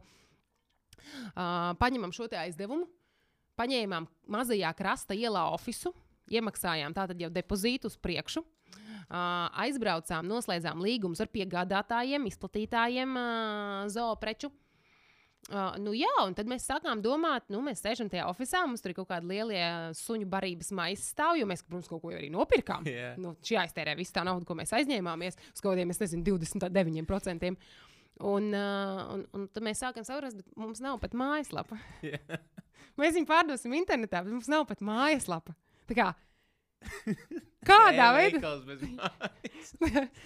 kā, un tad mēs domājam, nenormāli gudras. Un, nu, jā, nu, tā kā tagad vajadzētu kaut kā pārdot. Un tad tos trīs maisus, ko mēs nopirkām, tos mēs atradām. Pircējs vienkārši tāpēc, ka pazīstam cilvēku, kam pieder suņam, piezvanījām, vai tev nevajag uh, gadījumā barību, pārdevām. Un tad mēs sapratām, nu, ka, kad, man liekas, ka mums īsti nepietiks naudas, lai uzbūvētu mājaslapu. Mēs pat nesaprotam neko no tā. Nu, tā arī beigās mēs uh, pateicām tam uh, nama īpašniekam, nu, ka mēs šeit nebūsim. Bet, protams, tas depozīts ir neatgriežams. Ja? Uh, lauzām līgumu. Un man īstenībā vēl joprojām mājās stāv no 13. gada tie parakstītie piegādātāji līgumi. Tā kā vēl joprojām es leģit varu no viņiem kaut ko nopirkt. Yeah. nu, tā mums arī beidzās mūsu biznesa. Tāpēc uh, lielākā mācība ir to, ka nē, tu sāc no sākuma, no tā gala, vai cilvēkiem to vajag, kā tu to pārdosi, kam tu to pārdosi. Mm. Un, un tad tu, nu, tā kā oficiāls ir pēdējā lieta, ko tev vajag. Tā kā yeah. pati, pati pēdējā. Nu, izklausās, ka tev, tev ar darīšanu nekad nav bijušas problēmas. Citiem ir tā, ka viņi sēž tur, taisa research, tur 30 dienas, tur tūkstošiem stundas. Vienkārši taisam biznesu, kas ir vajadzīgs no oficiāla. Nu, ok, ņemam oficiālu, nu loģiski. Ļoti loģiski. Zini, kur ne, man, man ir tāda, mans mīnus ir tajā, ka uh, es esmu drausmīgi impulsīva. Yeah. Man ir ideja, jā, super, ņemam to oficiālu. Un, un, es, un es bieži domāju pēc tam. Man vēl joprojām ir šī, šī iemaņa, ka es vēl joprojām drausmīgi impulsīvi reaģēju uz lietām un uzreiz, jā, ejam, aiziet. Uh, bet nu, tagad vismaz es spēju kā, izanalizēt arī to, ko tad vajag to pirmo. Nu, tagad es nekad neņemtu pirmo oficiālu, bet uh, tajā brīdī tā likās. Tā kā, nu, nu, totāli loģiska lieta, jo visiem uzņēmumiem ir oficiāls. Kā biznesa var strādāt bez oficiāla? Tad, te, te, tas brīdis bija tas, nu, tas kad tu saprati, ka nedaudz ir jāpagatavojas. Tad tu izgāji cauri CTB stāstam pareizi, mm -hmm. nu, kā pēc tam kaut kādu laiciņu. Un tad tev droši vien tad arī saprati to sistēmu, ne? Nu, jā, nu, zināmā mērā, es tur ļoti sāku ar tiem startupiem darboties. Es arī aizbraucu uz Singapūru ar vienu startup vienā programmā. Tur, tur es dabūju tādu, es domāju, ļoti mm, labu skolu, jo tur beidzot, ja visu laiku es mēģināju pati tikt cauri, pati gāju uz starta pasākumiem, klausos vienu lietu, otru lietu, trešo lietu, ceturto lietu, bet man tas īsti nekā neliekās kopā. Man ir tik daudz teoriskās zināšanas mm -hmm. tajā brīdī par startupiem. Man īsti neliekas kopā, kā tu to vispār saliec kopā, ko tu dari. Līdz ar to bija tas, šis neveiksmīgais uzņēmums. Tad, bija, tad es uztaisīju pasākumu aģentūru, nu, kur vismaz es nepaņēmu oficiālu, ja, kur yeah. vismaz, vismaz bija tik gudri, lai pat 70% priekšapmaksu paņemtu. Uh, tad es strādāju tajā uzņēmumā, kur mani atlaida. Bet paralēli visam šim visu laiku ir, ka es esmu tajā starta pasaulē, es apmeklēju visus pasākumus, braucu ar tādu garāžu 48 hackathoni. Zin, uh, braucu arī uz tiem hackathoniem, tur piedalījos kā, kā team members un, un visu laiku kaut ko mēģināju un taustījos, mēģināju saprast. Un tad sanāca, kad es iepazinos ar vienu startupu, kur tika uzņemti Singapūras programmā, mm -hmm. un tur bija džeki, bet viņi bija visi tehniskie. Un viņiem tajā Singapūras programmā pateica, bez mārketinga un, un, un biznesa developmenta cauri neies. Mm. Un viņi saprata, no, ka viņiem no tā sajēga tieši nulle. Viņi ir reāli inženieri, tur tā, un, un, un viss tāds tehniskais. Un, Viņi un tas tev vajadzēja tajā zoo veikalā, tur Jā, viņi man būtu palīdzējuši. un, uh, un tas, kas bija idejas autors, viņam ir, ir, viņam ir tā stratēģija, vīzija, bet nu, galīgi ne tas, tas mārketings un, un, un market entry. Un viņi piedāvāja man, nu, jo es tur biju tik aktīva, ka viņiem likās, nu, ka es tur visu zinu jau. Nu, mm. Nu, īstenībā, nu, nu, tā, nu, es kā zināju, man bija daudz tās teoriskās zināšanas. Un es aizbraucu uz turieni, un tur īstenībā bija tāds bootcamps. Jo tur tā programma, viņa saucās Enchant, laikam. Es nezinu, vai viņi tagad vēl ir. Viņi, pirmkārt, viņi iedeva tā obligāto literatūru, kas bija reāli tā startup literatūra, kas tev bija jāizlasa tās programmas laikā. Un tev visu laiku bija ar viņiem tikšanās, un tāda reāla, kur jūs ejat cauri, piemēram, ir Facebook lapa. Un tagad, ok, mēs ejam cauri, re, kur šitien tu uzliec tagad reklāmu, te tu dari to, te tu dari to, jo it kā es to visu zināju teorētiski, mm. bet nu, es nebiju nekad to darījusi. Un tādā Singapūrā man iedeva tādu reālu bootcampu, riktīgi, riktīgi, kurus varēja izmēģināt tās visas lietas, salikt marketinga plānus, visu, visu, visu salikt kopā tieši kā startupiem ir. Un tad es atbraucu atpakaļ. Es paturpināju vēl, uh, vēl to tajā pasākuma aģentūrā, vēl nu, kaut, kaut, kaut ko kāds paprasīs. Neko nereklamēju vispār, bet, nu, ja kāds kaut ko paprasīs, es paturpināju padarboties. Un uh, tad savukārt es iepazinos ar um, diviem nenormāli, nenormāli cool cilvēkiem. Uh, un tad mēs tur ūdens biznesā iegājām. Viņiem jau bija tā ūdens biznesa ideja, bet es pievienojos klāt, un mēs viņu tā kā sākām attīstīt, reāli sākām braukāt uz Ameriku, lai ievestu Amerikas tirgu. Un, uh, un tad pēc tā, principā, man atnāca tas sitība iespēja. Mm -hmm. Un tad es paralēli vēl mēģināju to sitību apvienot arī ar ūdens biznesu. Es sapratu, ka es nevarēšu apvienot, mm -hmm. un tad vajadzēja teikt, tas brīdis pienāca, kur tev ir jāizvēlas prioritātes, un tev ir jāizvēlās, ko tu, tu īsti dari, nu, kur tu ej. Jo, nu, tu vari daudzus projektus, protams, paralēli. Man sapnis ir par to, ka man būs holding kompānija, yeah. man tur ir daudz uzņēmumu. Bet, uh, bet ne visās fāzēs tu to vari izdarīt. Ir fāzes, kurās tev nu, ir jāsaprot, ko tu īsti gribi. Un, un, un es ļoti ticu tam, ka you do uh, what, um, kā bija tas teiciens, kaut kāds nu, vienmēr sakot, tu dari tās lietas, kas tevi tuvina tavam mērķim. Un tajā brīdī, piemēram, mans mērķis īstenībā tad, tad bija tas Forbes 30 under 30. Mm -hmm. uh, un es sapratu, ka, ok, man īstenībā tagad ir ļoti jāiespēj uz sitību, jo tos, caur sitību es tikšu līdz tam. Un es to apzinājos, ka sitību es varu, jo tas ir reāli uzņēmums, ko es no nulītes šeit pacēlusi. Un mēs kļuvām par tirgus līderiem, un mums bija ļoti daudz publikācijas visur. Tad es izlēmu, ka nu, man ir jāizvēlas. Un līdz ar to es aizgāju, aizgāju un pārdevu savas daļas no, no ūdens biznesā. Mm -hmm. Un tad es nokļuvu Citybī, un tad no Citybī mēs nokļuvām jau līdz, līdz, līdz kur mēs būvējam savu startup. Mm -hmm. Un tu aizgāji no Citybī, tāpēc gribēji kaut ko savu taisīt, atkal, vai, vai tev atkal apstājās tā dinamika, kas bija pie jums? mēs kādu laiku jau ar, ar tiem maniem dombiedriem, mēs jau strādājām pie tā startup, jo, jo nav nekad jāpamat, jā, tev uzņēmums, kad, kad tu strādā pie startup.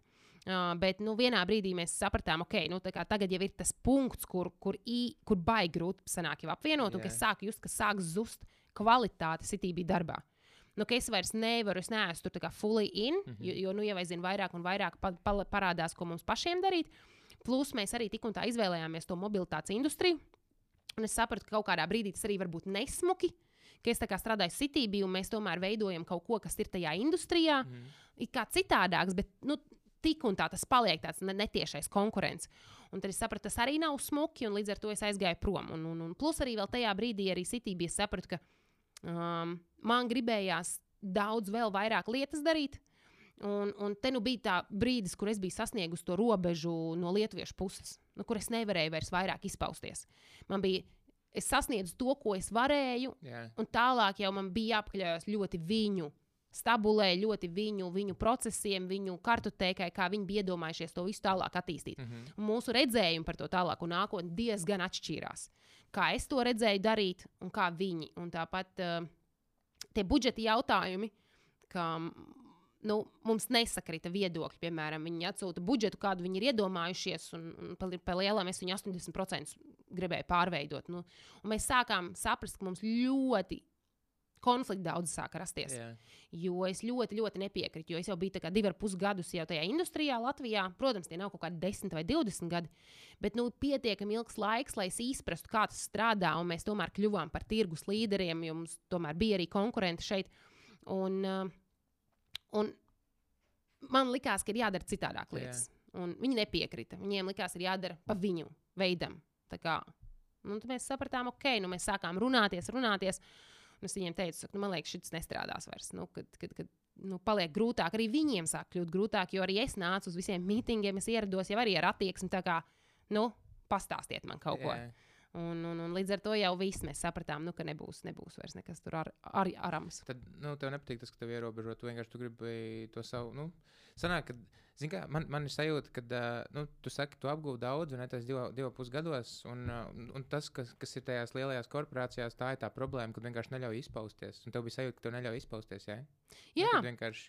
Nu, Zināt, tā, tā, tā izpausties varbūt izklausās apmēram tā radoši ļoti, yeah. bet, bet es to biju domājusi piemēram gan par komandas vadību, gan par to, kā mēs algas struktūrējam, vai mēs taisām bonus sistēmu vai netaisām bonus sistēmu, kas ir nākamais, piemēram, solis attīstībā, kādas automašīnas mums vajag vai nevajag, kādas automašīnas, kā mēs strādājam servisiem, ko mēs darām in-house, ko mēs darām uh, reāli ņemam outsourcētu. Mm. Un par šīm visām lietām mēs pilnīgi diametrāli domājām.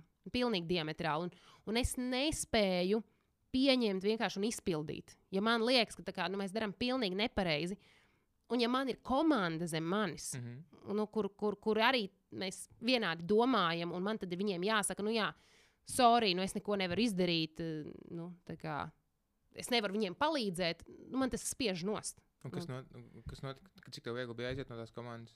Grūti, ļoti grūti. Es, uh, es jau par to biju domājis kādu laiciņu, un tad vienā brīdī es vienkārši Mēs braucām mašīnā četrtā, un es speciāli apsēdos aizmugurē, un es viņiem teicu, Klau, ko jūs teikt, ja es kaut kādā brīdī aiziet prom? Un mēs tur sākām kaut ko runāt, viņi tur, protams, šokā, bet viņi saka, nu labi, nu kaut kādā brīdī, nu tā kā fair enough, viņi jau saprot, ka es te visu mūžu nestrādāšu. Un tad uh, mēs aizbraucām atpakaļ uz oficiālu, un es viņiem saku, bet nu, es pēc mēneša jau eju prom. Nu, tad viņi bija jautājumi par to, ka e, tu teici kaut kādā brīdī. Un tad bija, protams, bija ļoti grūti. Un, uh, bija gan man grūti, gan arī viņiem bija grūti, jo mēs bijām sauguši tiešām kā tāda jau ģimene. Nu, tiešām es nevienā brīdī neuztvēru, jā, nu, tie ir kā, formāli mani kolēģi vai komanda. Nu, nē, tie bija vieni no maniem tuvākajiem cilvēkiem, kuriem es pavadu afigēni daudz laika kopā. Jā. Un uh, nu, bija ļoti grūti. Es atceros pēc tam arī, kad nu, tā jau bija tā pēdējā diena. Mēs kopā aizbraucām izbraucienā, visi tur uztaisījām rīktīgi tādu tūri pa latgalī, uh, ko es neatceros, cikos naktī mēs bijām mājās. Un, Nu, nenormāli, nenormāli grūti bija. Es tiešām pēc tam es apraudājos mājās, ka es sapratu, kā, nu, jā, ka nu, viss, es, protams, ar viņiem varu turpināt tikties, un mēs īstenībā arī vēl joprojām tiekamies, bet, bet nu, ka viss, ka mēs vairs nestrādāsim kopā, tā ka man bija grūti, jā, tas, tas cilvēciskais faktors man bija ļoti grūts. Un arī tas pirmās kaut kādas divas nedēļas, kad es pavisam jau aizgāju, arī bija tāds, ka ir tāds šoks. Nu, kā tu, tu visu laiku zināji, kāda ir tā tava rutīna, mm. ko tu dari. Tu tur ej, cīnies, ņemies, un pēkšņi tev ir tā nākamā diena, un tu sēdi un tā. Ah, ok. Nu, kā jā, mēs būvējam to startup, bet visu laiku tas viss bija kopā. Tagad tev pēkšņi tas viens lielais kā, gabals no dzīves ir izrauts ārā, Jā. un, un, un idejas tā kā es, un es vēl joprojām es skatos, piemēram, sitību mašīnām. Nu, man joprojām liekas, tas ir kā, mans bērns. Nu, Jā. kā, tas nekad nav bijis mans uzņēmums.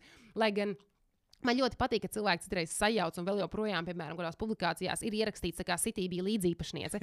es ļoti par to priecājos, ka es radīju tādu iespēju, ka es tiešām tik ļoti par to visu cīnījos, ka cilvēkiem likās, ka tas ir kā, nu, mans uzņēmums, Jā. bet tas nekad nav bijis mans. Bet, nu, man ir ļoti liels tāds ownership. Juridiski nav bijis tāds Jā, nu, tieši tā, juridiski nekad Jā. nav bijis. Un, bet, eh, jā, un vēl, vēl joprojām man ir tā sajūta, tik un tā, nu, ka tā ir daļa manis, un es domāju, tā sajūta man nekad nepazudīs. Un, un vienkārši, man liekas, es esmu ļoti pateicīga tam sitībī un, un, un visam, kas mums notika un pieredzēja. Tā, tādā ziņā, nu, viss, viss forši, bet nu, bija grūti. Jā. Jā. Un tagad, un tagad tas startups, ar kur tu strādā, tas ir. Uh, Pastāst par to vairāk. Nu, tu, tu, tu, tu, tu par to runā. Es nezinu, zin, kā cilvēkiem. Es zinu, ka tie, kas klausās, lielākā daļa ir tādi, kas, uh, nu, 80% gan jau tu arī dzirdi to stereotipu. Nevienam nevajag stāstīt. Jā, jā, jā. Tas kāds nozags ideja. Tāda nav, vai ne? Nē, nu, tu tas- esat startupos, es- tu pasaki lūdzu to cilvēkiem, ka tā nav. Ideju, ideju nē, ideju taču nenozags, jo lielākoties ir tā, ka īstenībā, nu, let's be honest, cilvēki ir slinki. Tā skaitā es, tā skaitā tu, visi ir slinki. Mhm. Tu pasaki ideju, un, piemēram, liekas, ej, šī tā ir rītīgi cool ideja. Ar to arī tas principā beigsies. Ļoti retos gadījumos, kad kāds tiešām kā ņems un, un ok, sāks arī strādāt un mēģināt konkurēt uz to tavu ideju. Bet tas ir drausmīgi, drausmīgi. Retos gadījumos ne tādā tirgu kā Latvija. Tas Jā. varbūt tās ir, nezinu, kaut kur Amerikas tirgu, kur inženieri viens ar otru padalās un atklāja kaut kādu nenormālu tur, zinātnisko atklājumu. Tas otrs inženieris arī ir tieši eksperts tajā, un viņš ātrāk vienkārši paspēja izdarīt, saprotot, ka es to patentēšu, kļūšu bagāts. Bet nu, tā arī kurām citām idejām tā, protams, nav. Mēs gan tik un tā šobrīd vēl nerunājam, bet iemesls nav tādēļ, ka mēs baidītos par ideju. Mēs, mēs īzī viņu varētu šērot, jo Jā. mēs paši straglojam ar viņas ieviešanu. Un, un tāpēc, ka, lai viņu ieviestu, ir daudzas lietas, kas nav atkarīgas no mums. Mm. -hmm. Tik daudz trešo pušu iesaista, ka bailes par to vispār nav. Bet mums ir citas pāris līgala lietas, kādēļ mēs vēl tā kā īsti neatļaujamies par to runāt. Uh, kas vienkārši mums var nodarīt kaitējumu nevis tādā biznesa ziņā, bet uh, nu, ka mums var pēc tam nākties cīnīties ar vairākām problēmām. Un līdz ar to mēs ceram, ka mēs, nu, mums jānoslēdz pāris līgumi. Mhm. Un tad, palielam, līdz ko mums viņi ir noslēgti, nu, tad mēs saprotam, ka okay, mēs varam sākt lēnītēm runāt. Mēs tāpat negribēsim pārāk aktīvi, jo mēs negribam paņemt no to prīlāņu periodu. Nu, tā atšķirība tajā, ka mums pašiem liekas tā ļoti cool ideja, un tā ir kaut kas, ko cilvēki arī var izmantot, nu, kā B2C Mhm. tirgus, nevis jā, B2B. Ja, piemēram, būtu B2B, tad vispār čil. Un tu sāc stāstīt ātrāk, cilvēki sahaipojās, un tad tev vēl pat nav sācies prīlāņu periods. Un tad jau sāks prīlāņu periods, un beigās cilvēkiem liekas tik ilgs tas viss, ka tev vairs nav tā momentum, tu esi viņu pazaudējis. Līdz ar to mēs sāksim runāt, droši vien pēc kaut kāda mēneša, Jā. bet arī nu, ne tā ļoti skaļi. Bet, nu, apmēram, nu, ja kāds man pajautā, nu, tad es atbildēšu, bet ne tā, ka es tur staigāšu apkārt un visiem stāstīšu. Mhm. A, kā jūs notestējat? Nu, kad, nu, tā, nu, jebkura ideja jānotestē, runāja. Nu, jūs viņu arī nu, kaut kādā veidā notestējāt, gan jau pareizi. Jo, jo tu stāstīji arī par to, ka, nu, off-kamera tu teici, ka jūs arī dabūjāt finansējumu tam. Mhm. Un parasti tā, nu, tādām, tād, tādiem biznesiem nedod finansējumu. Nu, tu vai arī grūtāk dabūt, ir, bet jūs viņu dabūjāt tik un tā. Kā tu pārliecināji investors, ka, ka tā ideja ir leģit ideja, kad viņi tiešām aizies? Šito īstenībā mums ļoti daudz saka, ka Alģija respekt, kā jūs dabūjāt naudu. Jā, Uh, bet jā, mēs, mēs noreizojām pusmiljonu. Uh, plus dabūjām finansējumu arī vēl no bankas. Bet nu, banka ir vienkārši aizdevums. Mēs nekad negribējām iet ar institucionālo naudu no fondiem. To var iet vēlākā pakāpē, mm. vēlākā stadijā, bet ne pašā sākumā. Mēs ļoti negribējām, jo mēs neesam tāds klasiskais 10x tech startups. Ja? Mēs tāds klasiskais neesam. Mēs esam pavisam, pavisam citādāks. Bet uh, nu, tā, tā ideja, viņa nav, viņa nav kaut kas tik fenomenāli jauns. Ka pasaulē citi cilvēki nebūtu izmēģinājuši, vai viņa neeksistētu. Tas, ko mēs izdarījām, mēs viņu paņēmām un vienkārši pivotējām. Mm -hmm. Un padarījām vienkārši citādāk. Un to, ko bieži saka, tev nav jāizgudro divritenis no jauna, vienkārši paņem esošu ideju un uzlabo. Mm -hmm. Tas ir tas, ko mēs darām. Līdz ar to mums tā, tā notestēšana idejas jau ir notikusi caur visiem pārējiem konkurentiem, citiem uzņēmumiem. Bet mēs tik un tā, lai notestētu to mūsu pivotu, mēs tik un tā izmantojām, piemēram, mūsu visiem zināmo SS.com. Mm -hmm. Mēs salikām tur sludinājumus par mūsu kā, pakalpojumu un produktu un skatījāmies, nereklamējot to, mm -hmm. tikai ieliekot sludinājumu, mēs skatījāmies, kāds pieteiksies. Mums zvanīja ļoti daudz cilvēku. Mums pieteicās cilvēki, jā, nu, viņi gribētu izmantot. Tas nav tieši tas, ko mēs piedāvāsim. Jā, bet tā kā nu, vistuvākais, jā, ko mēs varējām atrast. Jā, tas ir to feeling, kad ir, ir kaut kāda reakcija. Jā, jā. jā. Un tas ir tas, kā mēs papildus vēl notestējam, lai mēs tiešām varam parādīt arī investoriem, nu, ka nē, nu, redz, mēs pamēģinājām kaut vai ielikt sludinājumu, mm. tas strādāja. Un, un savukārt to finansējumu mēs nemēģinājām pārliecināt. Mēs gājām tādu varbūt netradicionālāku ceļu. Mēs nemēģinājām tevi pārliecināt, to, ka dod mums naudu, jo šis ir kā, mēs tevi padarīsim bagātu. Nē, mēs gājām ar to atkal tādu kā vairāk misiju. Par to, ka re, šis ir tas, ko mēs gribam darīt, mm -hmm. šis ir tas, ko mēs izdarīsim. Reāli pasties, cik tā kā fucking awesome ideja šī būs, un, un tu vari reāli būt daļa no tā. Un mēs uzreiz sakām, mēs nebūsim kā teneks, ka pēc viena gada tavs, tavs, tava investīcija būs desmit reizes lielāka. Ja? Yeah. Nu, tā kā nevis investīcija, bet tas, tā, tas atpakaļ ieguvums. Mēs to tā arī atklāti pateicām. Līdz ar to mēs izgājām, protams, relatīvi daudz investoriem cauri. Jo bija tādi, kur, protams, atbirst tajā brīdī. Tas ir pilnīgi normāli saprotams. Un mums tik un tā ļoti, ļoti pozitīvi mēs saprotam, ok, nu šis, šis nestrādās. Kā, nu, viņi meklē kaut ko citu. Nu, beigās šobrīd tie investori, kas mums ir, ir vienkārši kā, fantastiski cilvēki. Nu, visi mums ir biznesa eņģeļi. Uh, ir gan Latvijā zināmi biznesmeņi, ko, nu, ja viņi mums ļaus uh, publiski pateikt, tad, protams, mēs to pēc tam arī paziņosim. Yeah. Uh, mums ir gan, uh, gan Igauni, mums īstenībā vairāk ir Igauni, uh, investori tieši. Un tad mums ir arī viens no Austrijas. Mm, investors, kas, kas īstenībā mums nodrošina arī tehnoloģisko segumu, līdz ar to viņi paši arī investē, kas ir vispār li superīgākā lieta, ko tu vari dabūt. Ir, ja kā, tavs piegādātājs kļūst arī par tavu investoru. Uzreiz tas ir tāds divi zaķi, viens šāviens, jo viņš ir ļoti ieinteresēts, lai viss izdodas. Yeah. Jo viņš vēl ir ielicis savu arī privāto naudu tajā. Uh, un viņi arī jau, ne jau viņi paši piedāvāja. Šis ir atkal tas stāsts, kur mēs runājām, ja tu nepajautāsi. Mēs vienkārši pajautājām. Yeah. Mēs brutāli pajautājām, kā jūs negribat mums investēt naudu, mums bišķi tur pietrūkst. Nu, labi, varam sazvanīties. Un, tur, un tā mēs gājām cauri vairākiem tiem, piemēram, piegādātājiem. Mēs piegādātājiem prasījām, vai viņi mūsos negrib investēt. Yeah. Līdz ar to tad atkal tas vienkārši nepajautāsi, nē, nekad nedabūsi. Un, uh, un tāpat tie visi biznesa eņģeļi, kas mums ir, nu, daļa no viņiem nav kaut kādi klasiskie. Viņiem vispār mēs esam pirmā investīcija viņu mūžā. Nu, tādā, piemēram, startupā. Mm -hmm. Un arī tāpēc, ka mēs domājam, nu, labi, nu, pajautāsim, nu, nu, kas, kas var notikt sliktākais. Nu, pajautāsim viņiem, vai viņi gadījumā negrib investēt mūsos. Yeah. Ir, ir daudz nu, iespējas, kā to, to darījumu noslēgt ar tiem cilvēkiem. Man viens variants ir, kad viņi tur dod kaut kādu naudu, tur ir profit shares, komisijas, vispārējais. Un tad vēl vēl variants ir, nu, mēs, mēs pirms tam, kad mēs pirmoreiz satikāmies, tu teici par to, ka latvieši grib visu naudu sev. ja es gribu uzņēmumu, lai, lai 100% man pieder. Tu tikko teici, Igauni, um, Latvijā cilvēki, tur vēl, vēl kaut kādi tie, nu, investori.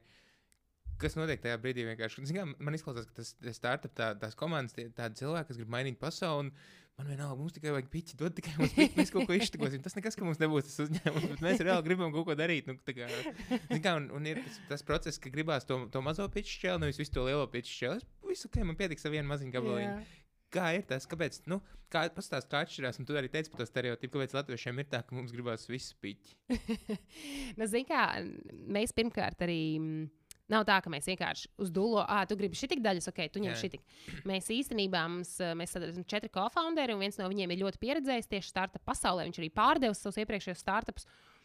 Un, uh, un viņš arī uzreiz ļoti labi zināja un pateica to, ka uzreiz ir principā noteikti daļa no ja 100%. Mm -hmm. Tad, piemēram, tur sanāk, tur nezinu, līdz 40% ir tā daļa, tā pizzas daļa, ko mēs varam atdot investoriem. Bet tā kā nevis vienam, bet visiem, kas nāk iekšā. Mm. Kas nozīmē mums paļ, jo founderiem, nu, tā idejas runājot, jā, nu es jau neesmu arī nekāds eksperts, ir jāpliek vairāk kā pusē.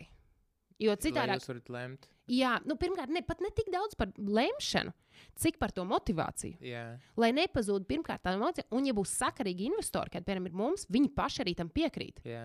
Viņi arī piekrīt tam, ka, protams, nedrīkst būt tā, ka jūs beigās, kad investoriem pieder lielākā daļa uzņēmuma, jo pirmkārt, tie founderiem sāk vienā brīdī zust motivācija, ja, piemēram, tur nezinu, viss sāk iet slikti. Tad founderi pastāsta, ah, nu kāda jēga man te mēģināt cīnīties kaut ko, un man tur pieder, nezinu, 10% no tā visa uzņēmuma. Nu, kāda jēga? Bet, ja tiem founderiem kopā vismaz saliekot, pieder vairāk kā puse, viņi būs ieinteresēti cīnīties par to, lai tomēr uzņēmums neaiziet pa burbuli lejā. Mm. Jo nu, investori jau nenāks tavā vietā strādāt. Un līdz ar to mēs tā arī izdarījām. Mūsu tas pūlis bija konkrēts pūlis. To, to organizēja tur tiešām tas, tas, tas um, puisis, kurš tā ļoti profesionāli strādājis mm. ar startupiem. Un, un, un vēl viens, un viņi divi tā, tā kā visot saorganizēja tā, lai tas viss makes sense, lai visi ir laimīgi, apmierināti, bet lai nevienā brīdī mums nepazūd tā motivācija. Un, um, Līdz ar to mēs arī ļoti atklāti to esam runājuši arī ar investoriem par to, ka nu, skaidrs, ka investori jau investē, tomēr viņi grib to savu naudu dabūt atpakaļ, viņi grib nopelnīt uz tās naudas. Un, uh, un tad mēs vienkārši izrunājam tādu, nu, kas ir best case scenario, kur mēs varam tikties kaut kur pa to vidiņu, kur viņiem būs pietiekami ok. Un tāpat skaidrs, ka tas nenotiks jau tāpat uzreiz pirmajā gadā. Nu, tā nenotiks. Pirmais gads tāpat būs tāds ieskriešanais gads. Un, uh, Bet, bet tā starpība starp to, ka nu, jā, nu, ir, ir, ir daļa startupā, kas, jā, kas tur gatavi visu atdot, galvenais, lai tikai lai ir nauda, varam iet uz priekšu. Yeah. No vienas puses, es jau to saprotu. Ja tev nav variantu, ir variants vai nu to atdod, vai tu nedari ideju, es, protams, kā do whatever it takes. Bet tā kā ja tas ir vairāk no tādas, nezinu, nāk no, no, no people pleasing sajūtas. Nu, ka tu vienkārši gribi, lai tā kā maksimāli tā kā investors grib 50, labi ņem 50%, kā, lai, lai viss būtu kārtībā. Nu, tur, protams, nu, tā, tā nav pareizā pieeja. Mm -hmm. Pareizā tomēr būtu jāatcerās, ka founderiem vajag būt motivācijai turpināt strādāt. Un tas, ko teica, ka latvieši, Vis. latvieši grib visu sev. Um, nu, tas pat nav tikai latviešiem. Tas, tas, ir, arī, tas ir arī ārzemēs. Es ļoti daudz sekoju līdzi Amerikas, piemēram, tai visai ekosistēmai. Tas ir daudz tā grib, protams. Mm. Un, un ja tu tā vari būtstrapot, ja, ja tu vari izveidot uzņēmumu būtstrapojot, ka tev turpina piederēt 100%, go for it! Superīgi! Es īstenībā arī labprāt tā darītu, ja tas būtu iespējams.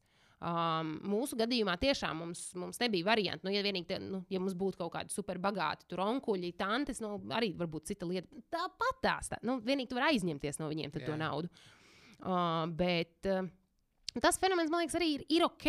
Ir normāli, ka tu gribi, kā, nu, tas ir tavs uzņēmums. Tikai tad, ja tu gribi, lai tev viss ir 100%, tad vai nu tev ir jābūt strapo, vai tev ir jāizņems naudu, kur tu dos. Tu nevari sagaidīt, ka investori investēs tevī un, un, un saņems tur, nezinu, neko pretī, tikai, nezinu, tur, tur, tur oh, yeah. dāvanu kartes tavā uzņēmumā. Paskaidro būtstrapošanu, kas tas ir.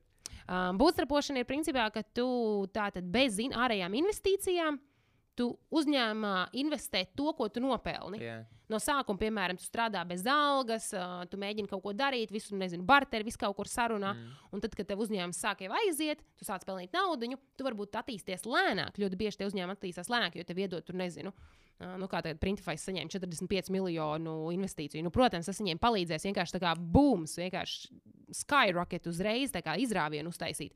Ja tu būtu trapo, protams, tev ir ilgāks process. Un tad, tu, ja tu nenopelni tos 45 miljonus un nevari tos 45 miljonus ielikt uzreiz savai attīstībai, līdz ar mm. to tā bootstrappings ir. Ka tu vienkārši no to, ko tu nopelni, to liec atpakaļ biznesā, un tā tu attīsties tikai pats ar savu naudu, ka tu neņem nekādu ārējo finansējumu. Mm -hmm. Okay, nē, tas atkarīgs no tā, cik daudz iespēju sākumā ir. Un tad viss pēc tā arī izvērtē. Jā, nu, atkarīgs no biznesa tipa. Nu, ja, ja tava ideja ir, ir kaut kas tāds, ko tu vari pats radīt, nu, piemēram, nezinu, tur, uh, tu esi dizaineris, nu, tu īzīgi vari uztaisīt. Sāk taisīt aģentūru vai kaut ko tādu, kā kanva radās. Jā, nu, idejas, ka, kā, labi, viņi, protams, arī paņēma investīcijas beigās, bet tāda veida modeli tu vari būtstrapot. Jo, ja tu pats vai nu māki programmēt, vai tu māki tur dizainu taisīt, un, un, un, un tad tu pats viņu veido, veido, un visbiežāk īstenībā programmētāji ir tie, kur var sākt būtstrapot. Beigā, bet beigās tāpat lielākie uzņēmumi tāpat beigās paņem investīcijas. Jo tas vienkārši tev palīdz uztaisīt to izrāvienu. Ja jums ir desmit konkurenti, un pēkšņi vienam konkurentam ir 45 miljoni kabatā, yeah. nu skaidrs, tu iegu var ieguldīt tur mārketingā, produktu attīstībā, tur nezinu. Mm, šo klientu aptaujāšanā, nu, nu, tev uzreiz rodas daudz vairāk iespēju, kur tu vari ieguldīt to naudu, tad tu izraujies, protams. Jā. Kas tev palīdz um, vienkārši visu laiku uzturēt nu, to enerģiju? Kas tev palīdz visu laiku darboties? Kā tu notur fokusu? Kas, kā tu dabūji enerģiju visu laiku sev? Par enerģiju tas ir uh, top viens jautājums, ko es saņemu pilnīgi vienmēr Instagram, Facebook, pasākumos. Mm. Tā atbilde īstenībā ir mm, vienlaicīgi ļoti vienkārša, vienlaicīgi netik vienkārša. Uh, tā vienkārša atbilde ir, kā, ko es atbildu manas draudzenes uh, kvotu: I'm high on life.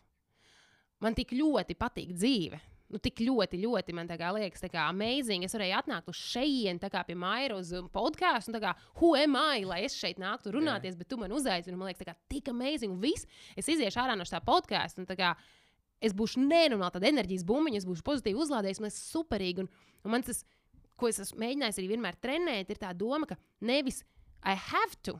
Es vienkārši nezinu, kā precīzāk būtu, lai pateiktu latviešu. Nevis I have to, bet I get to. Yeah. Tā kā I have to, es nezinu, tur iznest miskasti. Nē, tā kā I get to iznest miskasti ārā. Arī kā, miskasti. Jā, nekā smieklīgi, bet, bet reāli tā kā iedomājies, es reāli esmu fiziski capable yeah. iznest miskasti. Cik daudz cilvēku to nevar izdarīt? Tā kā viņi guļ vai nu slimnīcā, viņi ir, ir, ir, ir kaut kā traumēti vai vēl kaut kas, vai viņiem nu, diemžēl nav tur, piemēram, jumts virs galvas. Kā, bet tev ir tā iespēja, tev ir fucking iespēja paņemt savu miskastu, iznest ārā pa ceļam, varbūt satikt vēl kādu cilvēku. O, uz pulkstenī pasties, reāli nogāja vēl papildus soļus šodienai, izkustējies. Un, un tādā veidā tu arī nenormāli sev uzlādē. Nu, ka tā kā, ej, man ir reāli iespēja kā, to visu darīt, nu, man ir iespēja tur aiziet, nezinu, braukt uz, uz kaut kurienu. Un, un tas, ko es vienmēr daru, ka man nāk kaut kāds piedāvājums, un Un tad ir tā, ka tev ir piemēram pirmā sajūta, nu, atteikties. Un tad es skatos, kas, kas ir tas iemesls. Viens ir, nu, kā es saprotu, ok, tas vispār nav par manu tēmu, man tas neinteresē, tas, nu, tā kā, nu, waste of time. Fine. Bet tur otra lieta. Mēs gribam atteikties, tāpēc, ka īstenībā iekšēji mēs sajūtam kaut kādu nērtumu, tā kā, nu, nu vai nu huemāji, kāpēc lai es vispār tur ietu, vai kāpēc lai man kāds tur gribētu klausīties, vai arī, nezinu, tur, tur, tur sabīsties, ka publiski, piemēram, būs kaut kur jāuzstājas, kaut kāda prezentācija jāsniedz. Uh, Un ja es saprotu, ka tas ir otrais variants. Yeah. Nu, kaut vai tu negribi atzīt, bet tu dziļi sirdī zini, ka tas ir tas. Uh, es vienkārši vienmēr atbildēju, jā. Un tad brīdī saprotu, ka tev iestājās kaut kāds anxiety, stress, un tagad tu visu tu vairs nezini, kā, kā būs. Uh, bet tas arī iedod kaut kādu adrenalīnu. Yeah. Tas iedod tādu adrenalīnu, man liekas, nu, vismaz manā gadījumā es barojos no tā adrenalīna. Un, un man viņu vajag dzīvē. Un es gan esmu lasījusi par to, ka nevajag pārāk daudz adrenalīna, ka tie, tie kas iet tajā rīktīgi ekstrēmā sporta, tie, nu, tā rīktīgi, rīktīgi, kur tur lec no tām klintīm lejā. Nu, ka īstenībā tas pat uh, tev bija degradē tavs smadzenes. Yeah. Nu, ka tas adrenalīns ir jābūt kā, nu, kaut kādiem limitiem, kaut kādam balansam. Um, nu, jā, līdz ar to, to enerģiju vienkārši kā, dzīvojot, es viņu iegūstu. Un, uh, bet, un papildus uh, dzīvnieki uh, ir tā vieta, kur, piemēram, man atliek, nezinu, tev būtu sunītis, viņš man pasādātu klēpī. Es nedaru, man uzreiz tāds nu, - tāds kā. Nu, es nomierinos. Yeah. Man ļoti, ļoti, ļoti nomierina savā veidā. Uh, Un, uh, un līdz ar to es arī eju piemēram, uz jāšanas sportu. Tagad mēs trenējamies kopā ar draugu. Jo nu, man vajag kaut kādu connection. Es šobrīd dzīvoklī negribu suni turēt, un, un, un vai kaķi man gribās, ir māja, kad viņiem pagalms, kur izskrieties. Bet nu, man ir vajadzīgs arī tas, tas dzīvnieku kontakts. Man liekas, jo viņiem nezinu, nāk kaut kāda beznosacījuma mīlestība, Jā. vai es nezinu, kā viņu nosauc. Bet nu, tas man ļoti nomierina. Un līdz ar to reseto kaut kādas baterijas. Un, uh, Un par to fokusu savukārt, fokusu es noturu. Nu, es neteiktu, ka es esmu izcilākais piemērs tam. Ņemot vērā man dzīvi, kā es esmu kaut kur mētājusies no vienas lietas uz otru. Laikam es neesmu labākais piemērs, bet nu, ir pāris lietas, uz ko es turu to fokusu, uz to ultimate goal, ko yeah. es gribu sasniegt. Nu, tātad, piemēram, šis fonds par tiem dzīvniekiem nekad nav mainījies. Viņš kā man radās, tā nu jau es nezinu, cik gadi iet, tas viens fokus paliek. Un tā ir laikam tā misijas sajūta, tas nu, deep down, ko tu ļoti, ļoti, ļoti, ļoti, ļoti, ļoti, ļoti gribi. Nu, kāpēc tu gribi to naudu? Kāpēc tu viņu gribi? Jo ļoti bieži cilvēkiem es gribu kļūt bagāts. Kāpēc? Um, Tāpēc, ka visi grib nu, no sēdes. Jā, ne? Un ko? Visi jau grib. nu, jā, jo, un, un tad tev liekas, ka tā, kā, nu, tā tev būs status, un tad citi cilvēki domās, ka tu esi reāli cool, džeks. Yeah. Un nu, tā atkal ir kaut kāda mūsu kompleksu dzēšana un, un, un pabarošana. Un rezultātā, nu, tā, kad tu aiziet tā ļoti deep down, nezinu, tas varētu būt kaut vai kaut kas simpls, kā es gribu, nezinu, tur mammai kredīts, es gribu nomaksāt mammas kredītu. Tā kā super, un man liekas, ka tā, kad tu atrodi to savu reālo dzinuli, tad tu to fokusu arī noturi. Jo, kad tev nav tas reālais dzinulis, to fokusu jau grūti noturēt. Nu kā, nu tāpēc, ka uz ko viņi turēt? Nu, es gribu to naudu, nu, bet nauda ir tāds, nu, nu nu, tāds baigies variable. Nu, viņa nāk un iet, viņai zūd vērtība, viņa pazūd vienā dienā, nezinu. Tur. Miljons ir, ir, ir viens miljons, nākamajā dienā viens miljons. Es nezinu, ir, ir tas pats, kas viens tūkstotis. Nu, līdz ar to tā, tā nauda ir tik mainīga. Un, un, ja mēs pie viņas nu, daudz runājam par vispār naudas enerģiju, un ka ja tu pie viņas tik šausmīgi, šausmīgi turos, un es dzirdēju, citi tie, kuri saka, ir teiciens, nekad nesaki nekad. Yeah. Un tad ir tie, Nu, tas ir kaut kas sen jau, kur es kaut ko redzēju. Nu, jā, nu, viņš katru dienu saka, es, es nekādā gadījumā es negribu nekad kļūt bagāts. Nekad negribu kļūt bagāts. Tad viņiem liekas, ka apgrieztā psiholoģija, viņi teiks, nekad es to negribu. Jā, tad, tad līdz ar to viņi kļūst bagāti arī brīdī. Un, nu, jā, tā kā es teiktu, fokusam tas, tas primārais ir vienkārši tava misija, un tai nav jābūt kaut kādai iedzimtai. Tu viņu atrodi, tu viņu vari mainīt. Vienam ir tāds tam bilju, es nezinu, vai tu zini. Viņš vienam arī saka, Nu, šobrīd viņa misija ir tā, tad, uh, padarīt to, ka tavs pasta indeks nenosaka to, cik tu būsi veiksmīgs dzīvē. Jo Amerikā tas ir ļoti izteikts, ka tātad uh, melnādaino rajonos, ka viņiem ir mazāk šis procentuālā iespēja kļūt veiksmīgiem. Mm -hmm. tā, tā ir viņa tā misija padarīt to, ka, ka tas pasta indeks neko nenosaka. Un viņš saka, bet pirms kaut kādiem cik tur pieciem vai septiņiem gadiem viņa misija bija kā, izbeigt šo metabolismu slimo, sli, slimību. Kad viņam bija kvest uzņēmums, viņa misija bija. Viņam bija reāli māsa un, un laikam, arī mamma mm, cieta no liekā svara problēmām. Mm. Un viņš bija izdomājis, ka tā, tad, jā, nu, tā ir viņa reāla misija. Tas ir kā deep down, ko viņš grib darīt. Līdz ar to tā misija nenozīmē, ka tas ir kaut kas viens, kas tev ir uz visu mūžu. Tu viņu vari atrast vienkārši lietās, kas tev tajā brīdī ir rīktīgi cepīgi un visu, un tu fokusējies uz viņu. Tā viņš pārdeva šo uzņēmumu, sāka domāt jau dziļāk, okay, kas ir nākamais step, ko viņš grib. Viņš saprata, nu, jā, ka īstenībā viņš ir palīdzēt vēl lielākai sabiedrībai, ka, ja viņš palīdzēs tur cilvēkiem ar mindsetu, tad īstenībā tas arī atrisinās daudzas metabolismu problēmas. Yeah. Um, es pievienošu te klāt, tev bija kaut kad nesen raksts, kurā bija vairāk podkāstu un grāmatas, mm -hmm. kuras tu, nu, kurs, no kurām tu iedvesmojies. Tur arī bija Tom, Tom Billy, tas impact teorija un, un vēl kaut kādas grāmatas. Mm -hmm. Tā kā droši vien to, to saiti var pievienot, vienkārši tad uzreiz būs reāli praktiskais, jā, arī, kas, jā. kas var noderēt. Mierīgi. Um, Tur trīs grāmatas, jā, un trīs, trīs nu, viena no tām grāmatām bija Mindset.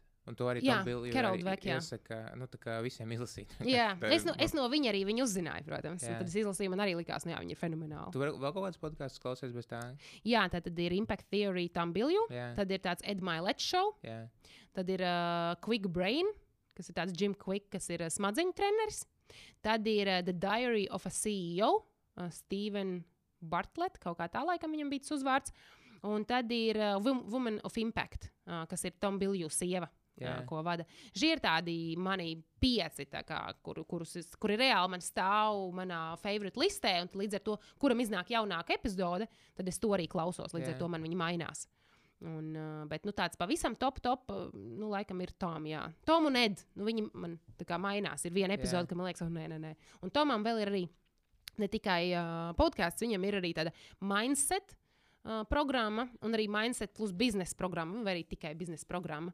Un to es arī ņēmu, nu, yeah. kur, kur reāli tev ir kā apmēram tādas lekcijas. Uh, bet, nu, ja tev tie podkāstu tēmas mainās, tev ir dažādi viesi, tad mm -hmm. tur ir tā ļoti targetēti, uh, ļoti strukturēti. Tā kā kurs bez jā, jā, jā, un es teiktu, man ļoti palīdzēja tas kurs. Ļoti, ļoti nu, saprast, kā sagrozīt tas smadzenes pareizajos virzienos. Un, un, un... Un, kur to var atrast? Tiem... Impact Theory, ja vienkārši ierakstīs tā kā Tom Bilju mindset programmu, yeah. atradīs uzreiz Google, viņš izmetīs yeah. ārā. Un kaut kādu, man liekas, 250 dolāru kaut kas tāds maksāja. Jā, tas man, man arī patīk. Tas, un un Edmēlēt, man arī patīk tas šovs.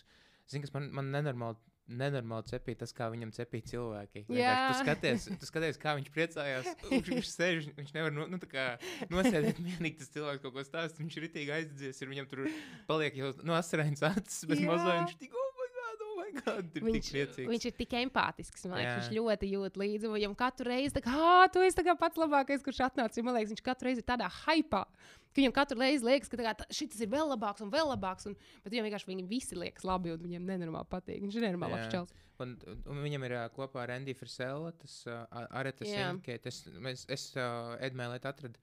Es atradu Andy Frisella caur Edmēlēt, un tad man viņa ap divu mm. tā visu laiku vienkārši nu, tie, tie tādi top, kurus es laiku klausos. Man ritīgi patīk tas Edmēlēt tā pieeja, un arī tam Andy Frisella ir reāli, nu, tā tieši valoda. Tu, jā, nu šāds agresīvais jā, uh, stils. Jā, tas visiem tā baigi ne, nu, tā neaiziet. Jā, nu, nu, tas, viņam tas raksturs, bet, uh, bet nu, man patīk. Um, tev ir 30, nu, tu, tu iesaki cilvēkam 30 dienas vienkārši darīt kaut kādu lietu. Viņš nevar atteikt. Egi pateicis, man jādara, ir, kas ir tā lieta, ko tu ieteiktu cilvēkiem darīt. Tā viena lieta, kas ir jādara obligāti 30 dienas. Jā. Um, Nu, ja tas būtu tāds no fiziskā, piemēram, mēs paņemam fiziskais un mentālais. Jebkas, nē, nē, nu, es, es vienkārši abus divus tādu okay. gan fiziskais, gan mentālais. Tad fiziskajam es teiktu, ka pamēģināt katru rītu, pilnībā katru rītu, palocīties. Kaut vai 5-10 minūtes. Bet vienkārši tā kā, nu, es zinu, ka tas ir dzirdēts nu, nenormāli daudz kur, bet uh, tas nenormāli forši pamodina to smadzni. Jo tā kā, jo tā, mēs pielicam augšā, mēs uzreiz ņemam tur, nezinu, e-pastus, sākam atbildēt, datoru strādāt. Tad brīdī mums ir ilgāks laiks, tās ieskriešanās laiks, un tad es atklāju, ka nenormāli, nenormāli krūti, ja tu no rīta nedaudz kaut vai pastaipies un, un, un vismaz kaut bišķiņu, bišķiņu, bišķiņu izkusties, tas būtu tas mm, no fiziskās puses, ko es ieteiktu, nu, ja kāds tiešām ir ar mieru 30 dienas pamēģināt šo eksperimentu. Yeah. Un savukārt no tādas mentālās puses ir tu tas, ko. Laiku, ne? Jā, nē, ir kādreiz, kad es izlaižu, piemēram, brīvdienās es mēdzu būt slinkāk, un tad es, piemēram, lēnais rīts, un tad es pieceļos, un tad es neuzstājos, tā kā nepalocos, jo Jā. tad es tur vienkārši kā, kādreiz planēju, ja ir brīva diena. Tā kā, bet darba dienās es pārsvarā daru katru dienu, bet es arī necenšos, zinu, kā es necenšos būt šausmīgi strikti ar sevi. To, ka, ja, piemēram, nezinu, man šorīt no rīta drausmīgi daudz, kas ir uzreiz jau jāizdara, nekas tā kā, it's ok, kā, ka tu, piemēram, kādreiz neizpildi. Nu. Mm. Nu, tā kā, get Nevar back on track. Sev. Jā, nu, apmēram cilvēkiem vienkārši gribas bieži vien aiziet tajā galējībā, ka, ai, nu, vienu dienu izlaidu, ai, kāda jēga vispār. Nu, bieži tā ir ar diētām, jā, bet, nu, es teiktu, tā ir ar visu. Ka, nē, nu, ir ok, nu, nekas šodien izlaidu, ok, viss kārtībā, izdarīšu rīt. Un tad tajā mentālajā lietā, tas, ko es jau minēju, ir, ka tad, kad uh, nu, sajūti, ka tu kaut ko negribi darīt, tad novērtēt, kura no divām situācijām tā ir. Tu to negribi darīt, tāpēc, ka tā, tas legit ir waste of time. Mm -hmm.